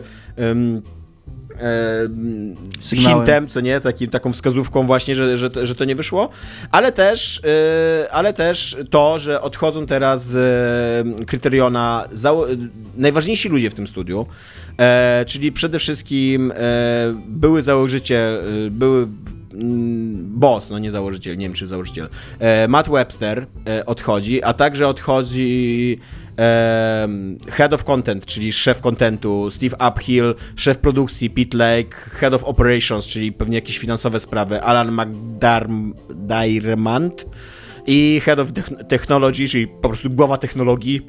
Tak tak będziemy nazywać to stanowisko. tak, ogólnie mm, wszystkie Dyrektor... head to są głowy czegoś, no. Dyrektor operacyjny to chyba nie są finanse, tylko nie? właśnie... Nie, czekaj.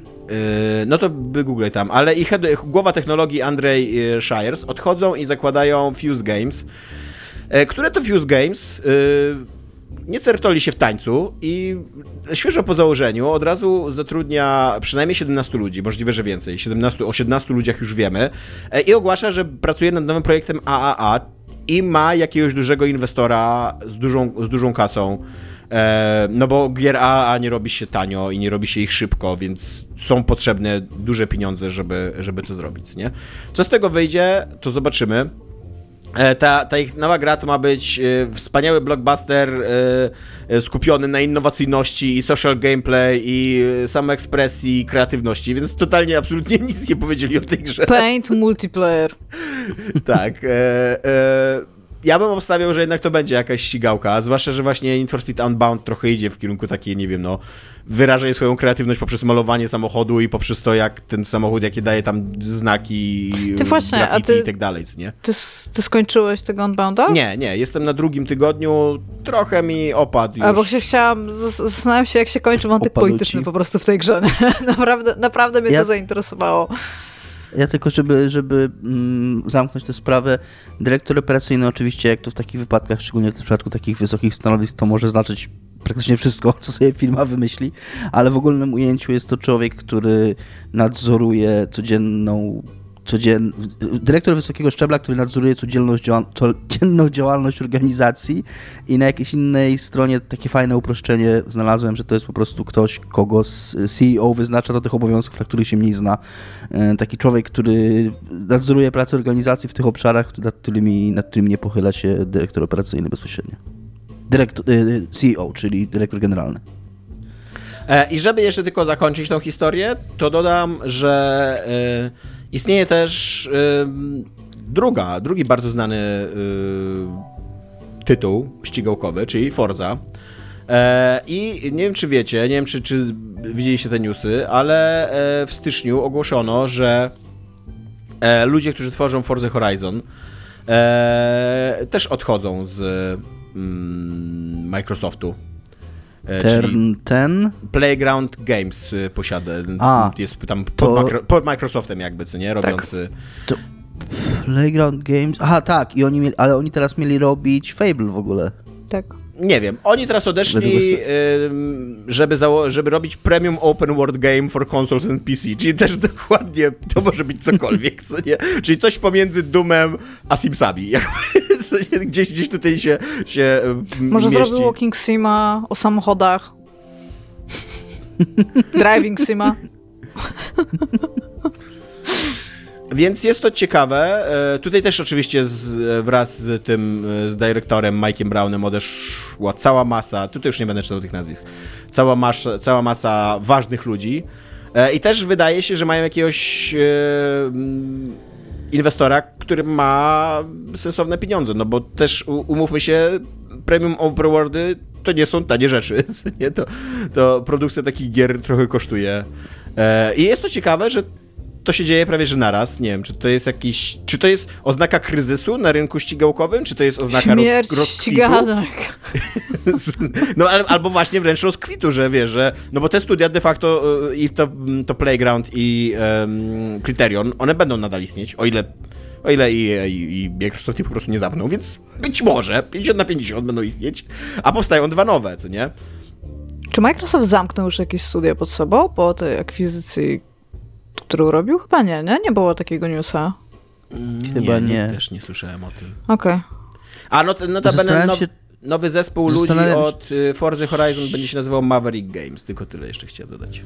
Okej. Okay. Zastanawiam się, czy The Coalition ciągle istnieje, bo coś takiego było, ci ludzie, co Gearsy, Gearsy mieli. Nie, chyba istnieje. Jestem prawie pewien, że istnieje, tylko że tam ostatnio, i nawet ostatnio chyba tak, mówili, tak. że są w pełni zadedykowani do Gearsów i tam. Tak, tak. Bo, było, bo był taki taki news, czy jakaś taka plotka, że Microsoft powinien im odebrać Gearsy, żeby kto inny robił Gearsy, bo Coalition się nie zna na Gearsach. A oni chyba wypuścili takie oświadczenie, że oni tam są w pełni komitet do Gearsów i że Gearsy okay, to jest ich krew, okay. wino i w ogóle i, i wszystko. I sposób życia, co nie? Jakby, że oni, u nich wszyscy pracownicy w filmie są kwadratowi i mają małe uszka bardzo. Uuu, takie kochane łóżko jak dzieciulki. Więc tak. I łapy jak bochen chleba. Czy wy, jako ludzie, którzy się wychowali na burnoutach, e, a teraz już zupełnie nie interesują się nawet tym Need for Speedem Unboundem, który wyszedł, czy jesteście zainteresowani, co zrobi Criterion, jeżeli będzie mógł zrobić, co chce? Czy nie? Jeżeli by znaczy, nie Criterion, tylko ten nowy Fuse Games, nie? Jak Burnout 3 albo 4, czyli tam masz challenge, masz to race'owanie i to jest taki arcade po prostu samochodówka, bo to był taki arcade'ik to mi się wydaje, że ja nawet mam miejsce w swoim życiu na to, żeby sobie usiąść, wziąć pada i tak pograć. Bardzo nie lubię marketingu gier samochodowych, bo jakby nie potrzebuję widzieć samochodów na scenie i samochodów odbijających się w innych samochodach. Jakby spoko, jakby daj się mi pograć po prostu w to i tam ten. A, więc nie miałabym nic przeciwko, może to jest moja odpowiedź. Takiego burnaucika, burnaucik lighta coś sobie, takiego sobie już pograć. Po, jacyś byli pracownicy Criteriona, coś takiego zrobili już, nie pamiętam teraz tej gry, ale Dangerous Driving to się nazywało. Mm, które miało taki problem, że nie miało własnej ścieżki dźwiękowej, co moim zdaniem w ogóle zabija na, na wejściu grę wyścigową, szczególnie taką zależnościową. Trzeba tam sobie było własnego Spotify'a podłączać, żeby mieć muzykę w tej A nie, to, to bez sensu. To myślałam, że nie, że nie mieli własnej, na zasadzie nie wykupili jakichś licencjonowanych kawałków, ale to mogą przecież zrobić oryginalną muzykę, nie? Nie było żadnej, znaczy może był tam jakiś ambient taki, nie? Ale nie mieli, nie mieli ścieżki dźwiękowej własnej. Tam po prostu jakby instrukcja dla gracza była taka, że Nie, no musi być, je, dobra, Tomek, odpowiadając na twoje pytanie, jeżeli będzie Avril Lavigne Girlfriend, to mega będę w to grać, jakby to jest Przy ważne okazji, dla mnie. A z I e, Billy Talent... E, Zaraz sobie Jezu, jak ludzie nienawidzą tego Dangerous Driving, bo sobie wygooglałem w międzyczasie, to ma 3,8 user score, a 70% Jak się nazywał ten kawałek z Burnouta Domini? Nie wiem, Iga. E, było dużo kawałków w Burnoutie, takich właśnie kalifornijsko rokowych. Cały, cały Burnout 3 Takedown, który miał całą ścieżkę z takich kawałków, to jest w ogóle gra na zawsze w moim sercu, wiesz o tym. Red Chciałem Flag. Jak będzie Red Chcia... Flag i Avril Lavigne, to będę grać w tą grę jak zła. Chciałbym się przypomnieć, że Criterion zrobił w swojej historii taką kultową grę, która nazywa się Black. Był to taki shooter nastawiony na rozwałkę i destrukcję otoczenia w czasach PlayStation 2 i pierwszego Xboxa. Mm, kiedy takie mm, no, tego typu silniki i tego typu rozwałka w grach nie była jeszcze czymś standardowym. Więc gdyby teraz ci ludzie, wydaje mi się, że jeżeli oni chcą się odłączyć od jakiegoś korpo i zrobić coś innego niż robili dotychczas, to będą robić coś innego niż, znaczy inaczej, nie wiemy co oni chcą, ale zakładam, że przypuszczam, że zgaduję, że, e, że będą chcieli robić coś innego i że jeżeli by chcieli robić dalej gry samochodowe, to myślę, że pod Microsoftem jakby Microsoft kocha swoje gry samochodowe. Ale ty mówisz Na- o Kryterionie. Kryterion to z Electronic Arts odszedł, a nie z Microsoftu. No tak, tak, trochę łączy dwie rzeczy, to prawda. E, No ale Electronic Arts też kocha swoje gry samochodowe. Też oni mają No właśnie, nie kocha, właśnie o to chodzi. Co to jest cały ten news? Ta twoja, twoja teza nie ma sensu, przez to, że pomyliłeś firmy. Pomyliłem filmy, próbowałem z tego wybrnąć, ale, ale chyba się nie uda. Mógłbyś po prostu przymknąć y, oczy i udawać, że to, co mówię, ma sens. E, Ale taki z ciebie kolega. O kryterionie mówiłem, tak. Zbyt tak, często, że, Dominik, udajesz to, co mówisz, ma sens. że już się jakby czara się przelała, tak? Już jakby Tak. nastąpił ten moment, kiedy musiałeś powiedzieć, walnąć pięścią w stół. E, To jeżeli chodzi o Playground, to nie wiem w ogóle, co nam się wydarzyło i szczególnie, że oni właśnie, nie wiem na jakim w ogóle etapie jest to Fable. Microsoft zapowiedział to Fable na tej samej zasadzie, jak zapowiedział Elder Scrolls 6, kiedy przejął Bethesdę. Po prostu Tam jest w ogóle taki jeszcze twist logo. w sprawie tego Fable, że tam Montreal, Eidos Montreal kodewelopuje tą grę, co jest Więc, w ogóle dziwne jak y, na takie wielkie studia, nie? Tak, tam mi trudno, trudno mi zrozumieć, co tam się dzieje. A sobie jeszcze w międzyczasie otworzyłem stronę o studiach wewnętrznych Microsoftu i w ostatnim czasie oni nic nie zamykali. W ogóle oni dużo nie zamykali. Oni, y, y, jest kilka wielkich studiów, które zamknęli. Przede wszystkim Lionhead jest chyba najbardziej znanym takim z zamkniętych studiów. Właśnie od, od Fable czy Black and Mhm. White. Y, I zamknęli kiedyś takie studio, które nazywa się Ensemble, En- Ensemble Studios od serii Age of Empires. Ale nie, mi chodzi teraz, po tym jak zaczęli Ale tak, teraz te po tym nie, nie. Po tym, nie? po tym zakupie takie- nic. Po tym To jest pretty cool ogólnie. Tak, tak. Im się w sumie by nie opłacało, skoro mają Game Passa, żeby zamykać te studia, bo oni chyba chcą mieć dużo kontentu, więc jakby dają chyba ludziom Tak. robić rzeczy po prostu. Ja się w ogóle zastanawiam, na ile Electronic Arts jest faktycznie niezadowolone z tego Unbound, bo to też jest, oni też mają to swoje EA Play, więc może to od początku była gra robiona pod abonament i też na pewno mają jakiś tam kawałek tortu od Microsoftu, bo EA Play jest częścią Game Passa, więc może taki był plan od początku, żeby się nie sprzedało. To był ich plan, no. Iga, co jest grane u ciebie? Ja ostatnio sobie wyjechałam, więc e, nie zdążyłam pograć super dużo, jako że wróciłam w późnym tygodniu, że tak powiem. Natomiast e, odświeżyłam sobie, prze, przerzuciłam trochę worków e, na tym steamowym śmietniku, który tak bardzo lubię. I znalazłam sobie kilka giereczek. Jedna była nawet dosyć ciekawa i o niej opowiem najpierw. A gra się nazywa A Pet Store After Dark. I już mówię, kto ją zrobił, ponieważ to mam otwarte. NPCKC. November Papa Charlie Kilo Charlie. A, Pet Shop After Dark. Jeżeli podobało wam się y, gameplay Doki Doki Literature, Literature Club i lubicie takie gry meta jak Pony Island, to to jest tego typu gra. Trzeba tam trochę pogrzebać w plikach i porobić rzeczy i pokopiować i pozmieniać i pousuwać. I ona się cały czas restartuje, jakby jesteś w takim lupie i musisz go trochę złamać. Co jest fajne, to nie ma za wiele, przynajmniej jak ja w nią grałam, to jakby ja się zacięłam w jednym miejscu i tak się nawet zastanawiałam, czy są jakieś walkthroughs, nie było, a jak jakieś są, to są ode mnie tej gry, które było znacznie inne niż sama ta gra, więc to, to czyni ją tym bardziej ciekawą. Plus to jest taki horrorek, a i kosztuje, u, teraz już kosztuje trochę więcej, ale 40 zł, 39 zł właściwie, więc nie jest e, jakby super się na człowiek nie wykosztuje. A natomiast e, rozmawiałam z jeszcze jedną osobą, która w nią grała i mi ona zajęła 2,5 godziny. Natomiast ja sobie zajęła 6, więc jakby eksperci się muszą jeszcze troszeczkę porozmawiać na temat tego, ile ta gra trwa. A, Hello to Beat jest, w wyniku nam mówi 20 minut. ale to demo pewnie. Nie, zgaduję, zgaduję, że pewnie A, mówi. nie ma chyba na long, How Long to Beat, wiesz, bo ja zwykle Mhm. sprawdzam, ile gry zajmują przed nagraniem, żeby powiedzieć i nie znalazłam takich danych, stąd mam dwie dane, czyli swoje przejście i przejście jed jeszcze jednej osoby, która wiem, że w to grała. Więc trwa pomiędzy 2,5 a 6 godzin. Nie wiem, jak inny. To zależy chyba od tego, jak szybko się ogarnie, co należy w danym miejscu zrobić, bo tam mówię, tam jest dużo grzebania w plikach. Szczególnie jakby to było coś takiego bardzo odkrywczego, że tam się grzebie w plikach, ale ta gra bardzo jasno ci mówi bardzo szybko, że masz coś zrobić. A, I bardzo szybko, znaczy nie jest, nie trzeba geniusza, żeby połączyć kropki, o może w ten sposób.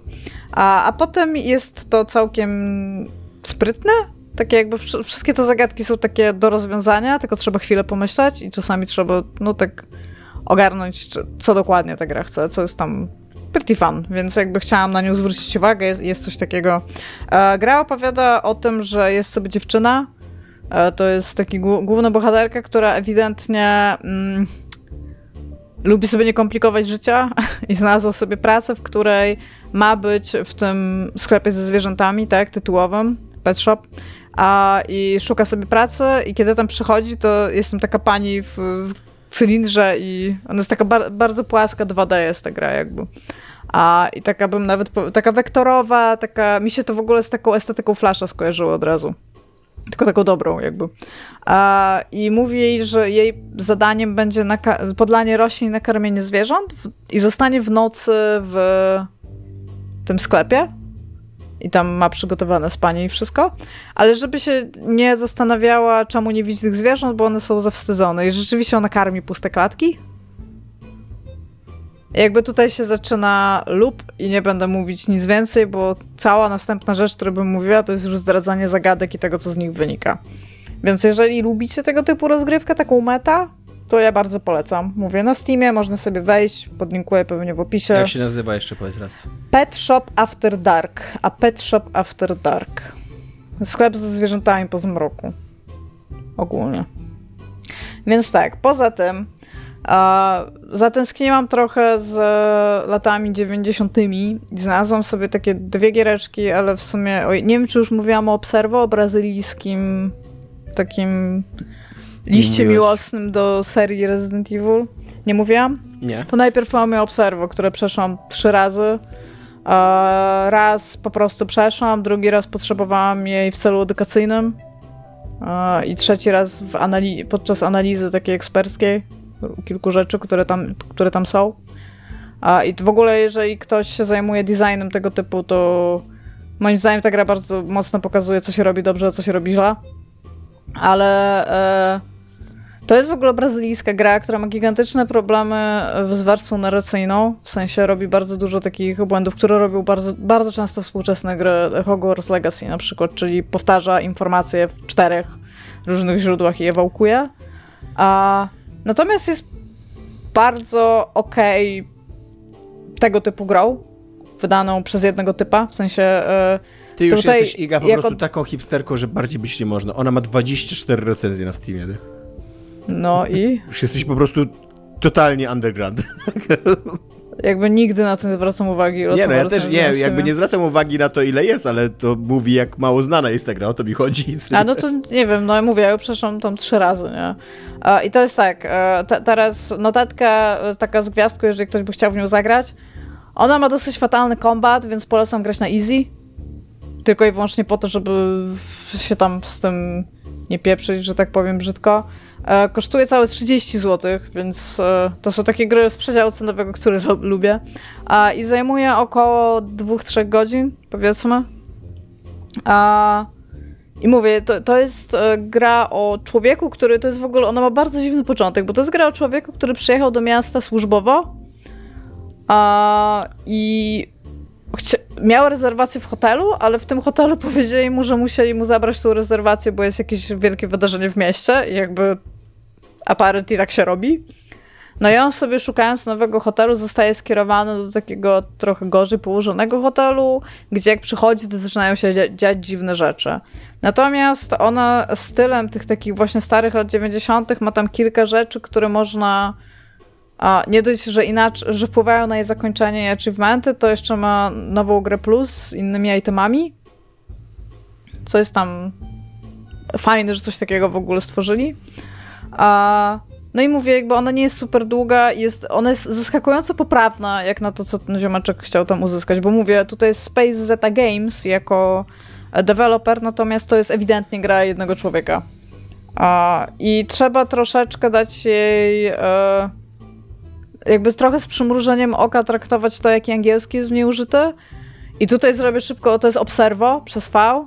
A natomiast tutaj zrobię taki szybki przeskok do drugiej tego, tego typu gry, która, która czerpie inspirację z tego typu gier, ale z, z tego typu gier, z tych horrorów lat 90. Natomiast to, to już nie jest aż taki duży ukłon w ich stronę. I tutaj jest dużo gorszy angielski. Ten, ten angielski jest już aż zabawny. Tytuł z tego, podaj, bo już no, mówisz trzy zdania, a jeszcze nie podać tytułu tego Delivery Man. Delivery. Natomiast e, problem ogólnie polega na tym, że te zdania dobrze udają angielski, ale jak się człowiek w nie wczyta, to one trochę nie mają sensu. Aczkolwiek nie ma żadnej potrzeby czytania czegokolwiek w tej grze, żeby ją przejść. 26 recenzji. Tak, i premis jest taki, że jest się. I teraz tak. E, ta gra ma moim zdaniem bardzo sprytne zakończenie, w sensie to, co się okazuje na samym końcu jest bardzo sprytne. Ale nie mogę o tym nic powiedzieć, bo wtedy jakby nie będzie miało sensu w nią grać. A czy jest długa? Czy... Ona mi zajęła godzinę i 10 minut, a jest achievement e, za przejście jej w godzinę, ale się nazywa speedrunning czy coś takiego. A więc no da się ją przejść myślę w godzinę. A z tego, co czytałam o niej w internecie, bo jej też nie ma na How Long to Beat, to ludzie mówią o 2,5, ale ja trochę nie widzę w jaki... Nie, nie widzę trochę w jaki sposób, bo ona jest dosyć prosta.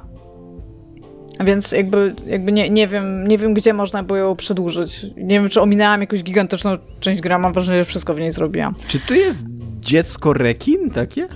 E, są takie chodzące na czworaka axolotla. One wyglądają to trochę jak rekiny. No, ale to są axolotla z animacji. Ale co miałam powiedzieć, to premis tej gry jest taki, że jest się tytułowym deliverymanem, który przyjeżdża z pizzą do domu i jakby musi tą pizzę, do, do, tam w ogóle jest taka super notatka, że tam do osoby, która tam dostarcza do tego domu, zadzwoń trzy razy dzwonkiem, wejdź i zostaw to, co przyniosłeś na stole, tak, w holu. I jakby spoko, robisz to. I zostawia dziecko niespodziankę. Odwracasz się i nie ma drzwi. I jakby w całym tym domu potem nie ma drzwi na zewnątrz ani okien, więc jesteś w nim uwięziony i się okazuje, że dużo więcej ludzi jest tam uwięzionych w tym domu. Jakby mówię, to jest taka godzinka, więc ja tutaj nic więcej nie będę mówić. A nie jest, e, to, to jest gra stworzona przez Negative Return i oczywiście też to jest e, gra jednego ziomeczka. Czy jest straszna trochę? Nie. Ale ty, Iga, się już niczego nie boisz, sama powiedziałaś o tym. Nie, ale ja nie widzę jakby jak się... Na pewno level design jest straszny, bo ta gra ma gigantyczne przestrzenie, y, takie jakbyś projektował grę FPP, bo tam są zawsze tak rozciągnięte półtora do dwóch do czterech razy nawet y, każdy metr, tak? Kwadratowy pomieszczeń i asety i wszystko. Ale jest bardzo sprawnie zrobionym horrorem jakby przygodówkowym w zamkniętym pomieszczeniu, w sensie zamkniętym tam miejscu, więc to jest ok, też właśnie, żeby tak sobie przejść, zobaczyć. E, ma na pewno dużo lepszego final bossa niż Observo, który ma bardzo ciekawie zrobionego, bym powiedziała, tak żeby wyjść naprzeciw trochę temu twórcy final bossa. A, ale tak, no, jakby obie wyszły też na samym końcu poprzedniego roku, z tego co teraz zwróciłam uwagę. A więc y, jakby Delivery Man i Observo y, dla fanów gatunku, którzy chcą zobaczyć coś, czego jeszcze nie widzieli, bo wszystko pewnie inne już grali, bardzo ok. A plus nie zajmie wam dużo i kosztują tam trochę grosza. A, bo teraz, żeby jeszcze powiedzieć, Delivery Man jest w przecenie 25% i kosztuje 17 zł. Więc to nie są wielkie, wielkie pieniądze. A, tak, tylko że właśnie Delivery Man ma ten problem, że może nie ma gigantycznego y, jakby nie robi nic, jakby jako. Z... Nie ma jakichś zbrodni narracyjnych w nim, natomiast jest napisane takim sobie angielskim. Ale no jeżeli chcecie zobaczyć zdania, które udają, że są po angielsku, a do końca nie są i gubią podmiot i czasami interpunkcję mają bardzo dramatyczną i zaskakującą, to, to też jest, jest to w tej grze. Jakby powiedziałem, że to jest jeden z elementów budowy świata nawet w niej. I ma jednego mid bossa, który jest całkiem Junji Ito style. Więc tak. Więc takie rzeczy znalazłam. Nie ma już więcej śmieci? Trzy rzeczy. Y, A Pet Store After Dark, chyba najbardziej jakby production heavy gra to była Pet Store After Dark. Potem mamy Observo i mamy Delivery Mana, które jakby są grami o których pewnie będę pamiętać pod koniec roku, że w nie pograłam, bo to takie mini doświadczenia, ale jakby są, jak na, jak na fakt, że zrobiła jedna osoba, są bardzo solidne. Fajne są takie gry, bo jak, jak robisz sobie listę, a wiem, że ty sobie robisz listę, to tak na koniec roku bierzesz tą listę i myślisz, o, to było fajne. To było, to było coś tam, co nie? Takie tak, ogólnie tak. ciepłe uczucie bo ja mogę wam, godzinki. Ja, ja, ja, właśnie ostatnio mam coś takiego, że ja zaczęłam kilka takich dłuższych gier, które za, zaczęłam, mówiłam o nich w ogóle w podcaście i za każdym razem coś, coś się dzieje, że ich nie kończę. No i stwierdziłam, dobra, to zacznę teraz siedzieć i kończyć gry, tak? I bardzo mocno staram się wypchnąć z, mojego systemu Kalisto Protocol. Już jestem na samym prawie końcu, a ona po prostu to jest tragiczna gra. I mi się nie, nie chce mi się w nią grać po prostu przez to, no ale już jakby już sobie tak przechodzę i tak jakby to tam jakoś idzie, ale są takie momenty, że widzę, że mi zrobiło save'a tam w rogu ekranu Jestem jak, u i tam kończy się ta animacja, wyłączam konsolę, bo dopiero wtedy można wyłączyć konsolę. Jak, się ta, jak ta animacja jest widoczna, to nie można wyłączyć konsoli, jak pamiętacie. Wydaje mi się, że kiedyś mnie ostrzegała gra o tym. Że... Chyba, chyba jakaś jedna gra o tym mówiła, no. Tak. A więc wyłączam wtedy konsolę i sobie potem wracam następnego dnia i już jestem, już jestem prawie na finiszu. Kończę Not Broadcast, który mnie trochę zmęczyło przez te przerywniki, ale tam się zaczynają dziać rzeczy. Tam się dzieją rzeczy, takie polityczne rzeczy tam się dzieją. Tak nam jest super ciekawe i muszę je w końcu ściągnąć od ciebie. No tego mówię, to jest milion giga, nie? Właśnie Od wiem, razu mówię, to jest milion giga. No. A ja to, czekam, że ja właśnie też bym chciała przejść, żeby ją instalować, bo chciałabym moje 70 giga jakby z powrotem. Mam wrażenie, że to jest ktoś, kogo kiedyś zaprosiłam i w porze, że mieszka u mnie, bo w sumie może mi nie przeszkadza, a z drugiej strony zajmuje miejsce. I czasami nawet mogę pójść i z nim porozmawiać, bo to jest tam spoko, ale wolałabym mieć swoje miejsce, you know? Więc jakby tak i właśnie no, jak, to, jak te dwie gry skończę, to będę wolna i będę mogła usiąść do jakiejś takiej średnio długiej gry, że tak powiem, tak? Takie 10-12 godzin bym sobie coś znalazła. A że czekam na tego Residenta czwartego i że bardzo chcę zobaczyć tego Dead Space'a, tak? w remasterze, to jakby już, już chcę wypchnąć to przed siebie. Tomek już zdążył dwa razy przejść Hogwarts Legacy. A ja się męczę z tym Czemu dwa razy przechodził. Tomek czasami tak ma, że jak w coś pogra, na przykład w Cyberpunku tak miał, że przeszedł całego Cyberpunka, po czym zaczął nową rozgrywkę. Albo tak, tak jak ja miałam na przykład z Elden Ringiem, przeszłam Elden Ringa, usiadłam i przeszłam tą grę jeszcze raz tego samego dnia, tam w 3,5 godziny, tak? I jakby czasami tak mamy, ale on zdążył przejść, mówię, Hogwarta, a, a ja się męczę, kurde, ile ma to Callisto Protocol? 9 godzin? po prostu nie mogę. Siedzę, pogram 45 minut i nie mogę, już muszę coś innego porobić. Więc stąd te krótsze giereczki sobie, sobie badam. Więc tak, e, zachęcam do subskrybowania e, Iga gra w gry z 20 osobami w recenzjach. E, nowego kącika, który właśnie założyłam. tak, wrócę do was jeszcze z nowościami. Dziękuję. Iga out. Dominiku, tymczasem co się dzieje w Microsoftach? Tomku.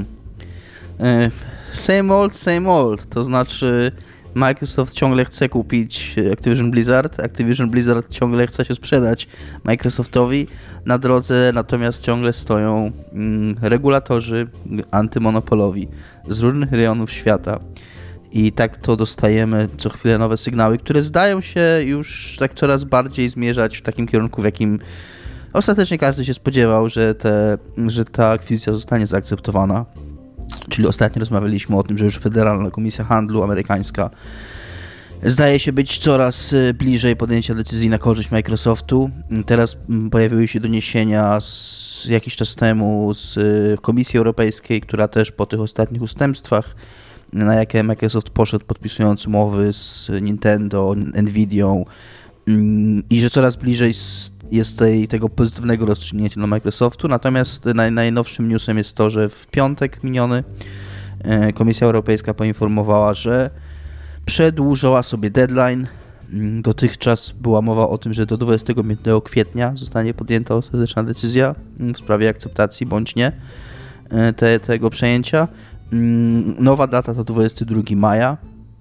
E, I te, to przedłużenie właśnie wynika z tego, że chcą się zapoznać jeszcze z resztą dokumentów złożonych przez Microsoft. Czy I... Sony jest szczęśliwe z tego, że wszystko idzie w dobrym kierunku?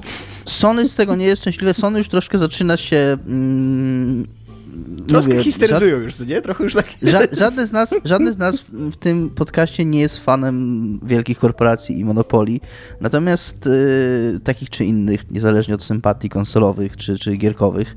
Natomiast no, to, co już Sony wy, wyrabia tam desperacko krzycząc, że oni nie są w stanie rywalizować z Call of Duty, bo to jest ostatnia linia obrony, obrony że Call of Duty przyciąga takie liczby graczy i generuje takie zyski, że na ich platformie mm, no, że nic z ich produkcji nie jest w stanie W ogóle tak powinni teraz, teraz tak powinni mówić, tak, nasze gry są beznadziejne, jakby bez Call of Duty w ogóle Troszeczkę- nic się nie dzieje na Też nie chcę- PlayStation. ja nie chcę- tak, ja nie chcę- zaczęli tak robić ogólnie. Nikt nie tak. kupuje, nikt, spójrz prawdzie w oczy, powinien wyjść taki prezes, nie? Sorry, spójrz prawdzie w oczy, nikt nie kupuje tej konsoli dla The Last of Us.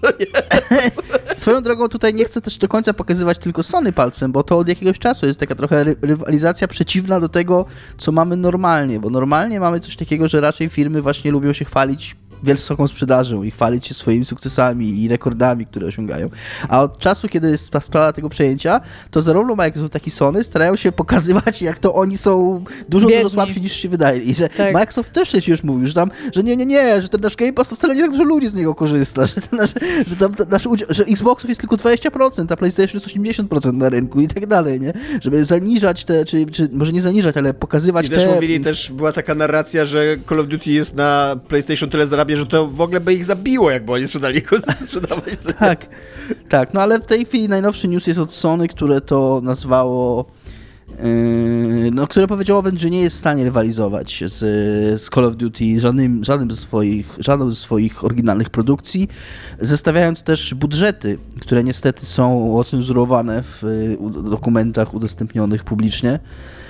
E, No ale są takie informacje, ilo, ilocyfrowe były te budżety i tam zestawiają chociażby budżet God of War Ragnarok, który tam miał według tego kosztować na jakiś trzycyfrowy budżet, powiedzmy, tak, kilkaset milionów dolarów. 300 dolarów. Natomiast ta, kilkaset milionów, w sensie to była trzycyfrowa, trzycyfrowa kwota w dolarach. Milionów. Trzy cyfr... Aha, trzycyfrowa milionów, okej, rozumiem. Tak, tak, To jest 100 ważne, że tam dolarów. jeszcze trzycyfrowa 100 z sześcioma zerami, tak? tak, w sensie milionów, tak. I, ale zwracają uwagę na to, że to był, że ta inwestycja w tą grę była mm, ponoszona przez wiele lat, że to nie był jednorazowo poniesiony ten wydatek, tylko że to było rozłożone na wiele lat. Natomiast Activision wydaje na Call of Duty tam 300 baniek co roku, żeby, żeby tę grę wyprodukować. Więc zarówno nakłady, jakie, jakie są budżety tych gier, jak i zyski, które one przynoszą, według Sony są w ogóle nieporównywalne. Mm, I, i, i tak. I, i, I w związku z tym powinno, mm, powinno zostać zabronione Microsoftowi przejęcie ich. E, Najlepiej a na tym Microsoft- sporze to w ogóle wychodzą, wychodzi Nintendo, tam przyszedł do nich Microsoft, macie tutaj Call of Duty na 10 lat i Nintendo mówi, ale my nie chcemy, ale i tak macie. Tak, inna sprawa jest, że Sony nie chce tego Call of Duty, które Microsoft im wciska w gardło, a z innej strony Microsoft wciska te Call of Duty już nawet takim firmom, o których nie słyszał. Tam niedługo przecież tam do was przyjdą i chcecie, chcecie Call of Duty, ej Tomek, tam, więc odbierzesz telefon, a to hej Phil Spencer, chcesz Call of Duty na 10 lat i tam, no dobra, jak dajecie, news, nie?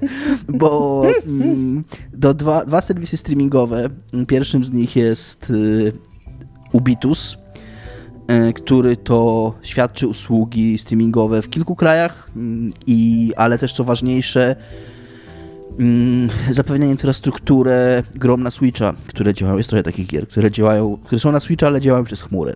Mm, Control przede wszystkim, ale też Pathfinder drugi jest taką grą. Mm, I tutaj pojawiły się też y, wo- wokół te, tej umowy z Ubitusem pojawiły się takie przypuszczenia, że to może być droga, którą Microsoft będzie też wprowadzał na Switcha, na kolejne Call of Duty. Że właśnie we współpracy z tym dostawcą, który ma już doświadczenie we współpracy z Nintendo, yy, gry Call of Duty będą też przez streaming udostępniane w, yy, na Switchu. I drugim streame, drugą usługą streamingową jest Boosteroid. Ciekawostka, jest to ukraińska firma z kilkoma milionami użytkowników i również tej firmie Microsoft obiecał, że, e, że Call of Duty będzie przez te 10 lat e, u nich dostępne w ich usłudze. Sony ciągle nie chce, e, więc jak to się potoczy, to się jeszcze okaże, ale no te ich ruchy się już wydają, no nie wiem, no nie wygląda to dobrze. Jakby miało, Jakże jakby, Sony ciągle... Ma, Nintendo nie chce. Sony chce Call of Duty. Sony nie chce właśnie Call of Duty. Ninten, Nintendo... Sony nie chce, no nie, nie chcą tej umowy cały czas podpisać. Aha, umowy ci chodzi, okej. Tak, tak, tak. E, e, i, i, I mówię, to wygląda teraz bardziej desperacko. I, i gdybym ja miał konia w tym wyścigu, a nie mam. I gdybym Myślałam, że powiesz, gdybym miał konia w tym worku. I się tak realnie zastanawiałam, czy, tak, czy jest takie powiedzenie i co oznacza, a potem się skłamał, że to jest kot. Ja, ja mam jedynego kota, jakiego mam w tym worku, to jest taki kot, że chciałbym nie płacić za Diablo 4, jak wyjdzie w czerwcu, więc jakby było w Game Passie, to byłoby zajebiście. E, ale, mm, ale tak mówiąc poważniej, to, to gdybym miał obstawiać na tym etapie, no to kurde, słabo to wygląda dla Sony. No, jak już po takie argumenty sięgają, nie? Co myślisz, Tomek? Nie wiem, no chciałbym wierzyć, bo wiesz, tam śmieszki śmieszkami, co nie? Jakby Sony jest żałosne, było żałosne i będzie żałosne. Wielkie korporacje są zawsze żałosne. Ale śmieszki śmieszkami, monopole są dużo założniejsze, dużo żałośniejsze i dużo gorsze i dużo bardziej szkodliwe. I jakby tak na wielkim obrazku, jakbym miał patrzeć po prostu na cały przemysł, to Sony ma rację monopol jest zły. To, że Sony jest też monopolistą gdzieś tam na swojej działce, co nie, i tam ma własny sklep, którym okrada deweloperów i tak dalej, że robi ekskluzywy, to jest oczywiście też złe i godne potępienia. Ale że Microsoft będzie miał Activision Blizzard, będzie miał zamkniętą swoją strukturę Game Passową i najprawdopodobniej wcześniej czy później Activision Blizzard zostanie odcięte od wszystkiego, co nie jest Microsoftowe, no nie jest to dla mnie szczęśliwa przyszłość. Ja ostatnio jakby, o tym myślałam i ja bym bardzo chciała, żeby z jakiegoś powodu Sega wróciła na rynek konsolowy. Moim zdaniem my tego potrzebujemy i ktoś powinien zapłacić za to, żeby zrobić jeszcze jedną konsolę. Jest za mało konsoli po prostu. No, Tomek się może, nie zgadza. Nie wiem. Nie no, zgadzam się, tylko wiesz co, My mamy teraz za dużo konsoli, mamy PlayStation 5, na które nic nie ma, no. Po no tak, ale jak... Po co na PlayStation 5 dzisiaj, co nie? Wystarczy no tak, no, Xbox nowy. Tak, no ale właśnie okej, okay, ale być może jakby jeszcze Sega w to wszystko weszło, to właśnie by było, wiesz, żeby było więcej ekskluzywów, więcej różnych modeli. Po prostu trzeba by było trochę w tym kociołku zakręcić, bo mamy straszną stagnację, jeżeli o to idzie. Fajnie, że jest Game Pass, tak? Spoko, że to wybiło to PlayStation Plus, to starego, ten stary model, zanim były te tiery i tam nie wiadomo co takiego, nie? I fajnie, że coś zaczyna się tam dziać, ale tak, jakby dążymy do faktu, gdzie jeszcze jedna firma zje jeszcze jedną firmę, jeżeli chodzi o rynek tak. konsolowy. I będziemy tak, mieć konsolę czas, kontra tak. PC, po czym pewnie będziemy mieć PC. Jest y, y, ze dwa lata temu, czy trzy lata temu, po tym... No i Nintendo coś... będzie z, zawsze, tak? Ale Nintendo to oni robią swój własny thing, że tak powiem. Ze trzy lata temu, po tym, co się politycznie działo w Stanach Zjednoczonych, co nie, doszli, zaczęła się taka dyskusja na temat tego, że kurde, cyfrowe yy, monopole z, z, jakby zbyt się rozpasały. Za dużo pozwoliliśmy na mono, monopolom. Oczywiście z tym się nic nie stało, bo mm, lobbying działa i tak dalej, ale teraz na naszych oczach tworzy się nowy monopol najprawdopodobniej i znowu nic z tym nie robimy. I za 10 lat będziemy mówili, kurde, te growe monopole to się za bardzo rozpasały. tak będzie. Powinni to wszystko w ogóle rozwalić na kawałki. Powinni. Wszystko porozparcelowywać. Powinni. I... E, jak e, umarł e, Rockefeller i trzeba było coś zrobić z jego biznesem, to centralnie rząd amerykański wziął i go rozpierdzielił na x części i po prostu powstały osobne firmy, które no, żeby Ale to po to, żeby uratować takie... rynek jakby, co nie? I to, to było a, a, centralnie tak rządowo zrobiona interwencja. Schodząc, schodząc na ziemię z, tam z obłoków fantazji antykapitalistycznych, e, to mm, jakiś czas temu były takie plotki, że które później Microsoft dementował, że, że jeżeli ta akwizycja nie dojdzie do skutku, to Microsoft sprzeda Xboxa. W ogóle nie wiem skąd ta plotka wzięła, nie, nie wiem skąd, dlaczego mieliby to zrobić. Ale ta plotka prowadzi mnie, jeżeli już coś by można zrobić sensownego i wydaje mi się wykonalnego, to po prostu wypierdzielić Xbox, po prostu markę Xboxa z Microsoftu i PlayStation i, i Sony Computer Entertainment z, z Sony.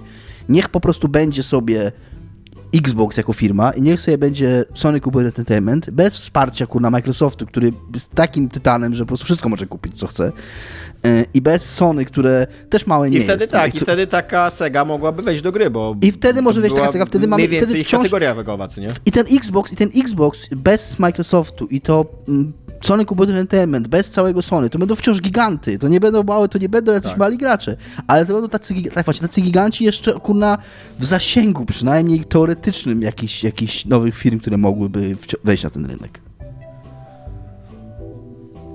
I wtedy Saga by mogła wejść, ja bym była I zadowolona. wtedy Sega mogłaby wejść, tak. Ja bym po prostu E. bardzo nie chciała mieć do wyboru jednej konsoli. A jeżeli to byłby Xbox, tak, to bym miała po prostu wybór pomiędzy PC a PC w nieodległej przyszłości. No nie no, zawsze będziesz miał jeszcze Switcha, jakby. Switch jest bardzo Nie no, oczywiście, że będę Nintendo kupować rzeczy zawsze- Nintendo najprawdopodobniej, bo jakby moja historia pokazuje, że to robię, tak? Miałam Wii, miałam Wii U, tak? Jakby it's a thing. A miałam Game Boye, mam, no, ma, mam sprzęt Nintendo, tak? GameCube and shit. Więc jakby tak, ale mówię, ja bym chciała, bo był ten moment, że była Sega, był Xbox, znaczy była Sega, był Microsoft, był Sony i było Nintendo, tak? I był taki moment, że oni wszyscy szli web w web. Może nie nigdy tam web w web, ale na zasadzie takiej, że to nie było coś takiego, że jest Switch i jest PlayStation 5, tak? Że wiadomo, że to są zupełnie dwa inne sprzęty, tak? I to było cool. Chciałabym tak znowu. Kocham Dreamcasta. Dziękuję. No dobra, i tym y, romantycznym wyznaniem na koniec y, zamykamy ten odcinek. Pamiętajcie, że mamy Patronite'a, pamiętajcie, że tam pieniążki bardzo lubimy na tym Patronite, ale jak, nie, jak wy nie lubicie nam płacić na tym Patronite, to my nadal jesteśmy Na szczęśliwi. pewno nie zrobimy monopolu, to tak, chyba nie możemy zrobimy obiecać. monopolu podcastowego. Jakby, my nawet nie potrafimy być jedynym, jedynymi niestapialnymi na Patronite, to dopiero monopol jakiś podcastowy. E, więc tak, e, dziękujemy Bartoszowi, Tomaszowi i Mafinkowi za to, że wpłacają na najwyższym poziomie. Jesteście super, bardzo nam pomagacie, ale ci, co wpłacają na niższych poziomach, też nam bardzo pomagają. Wszyscy jesteście super. Cześć. Cześć. Pa.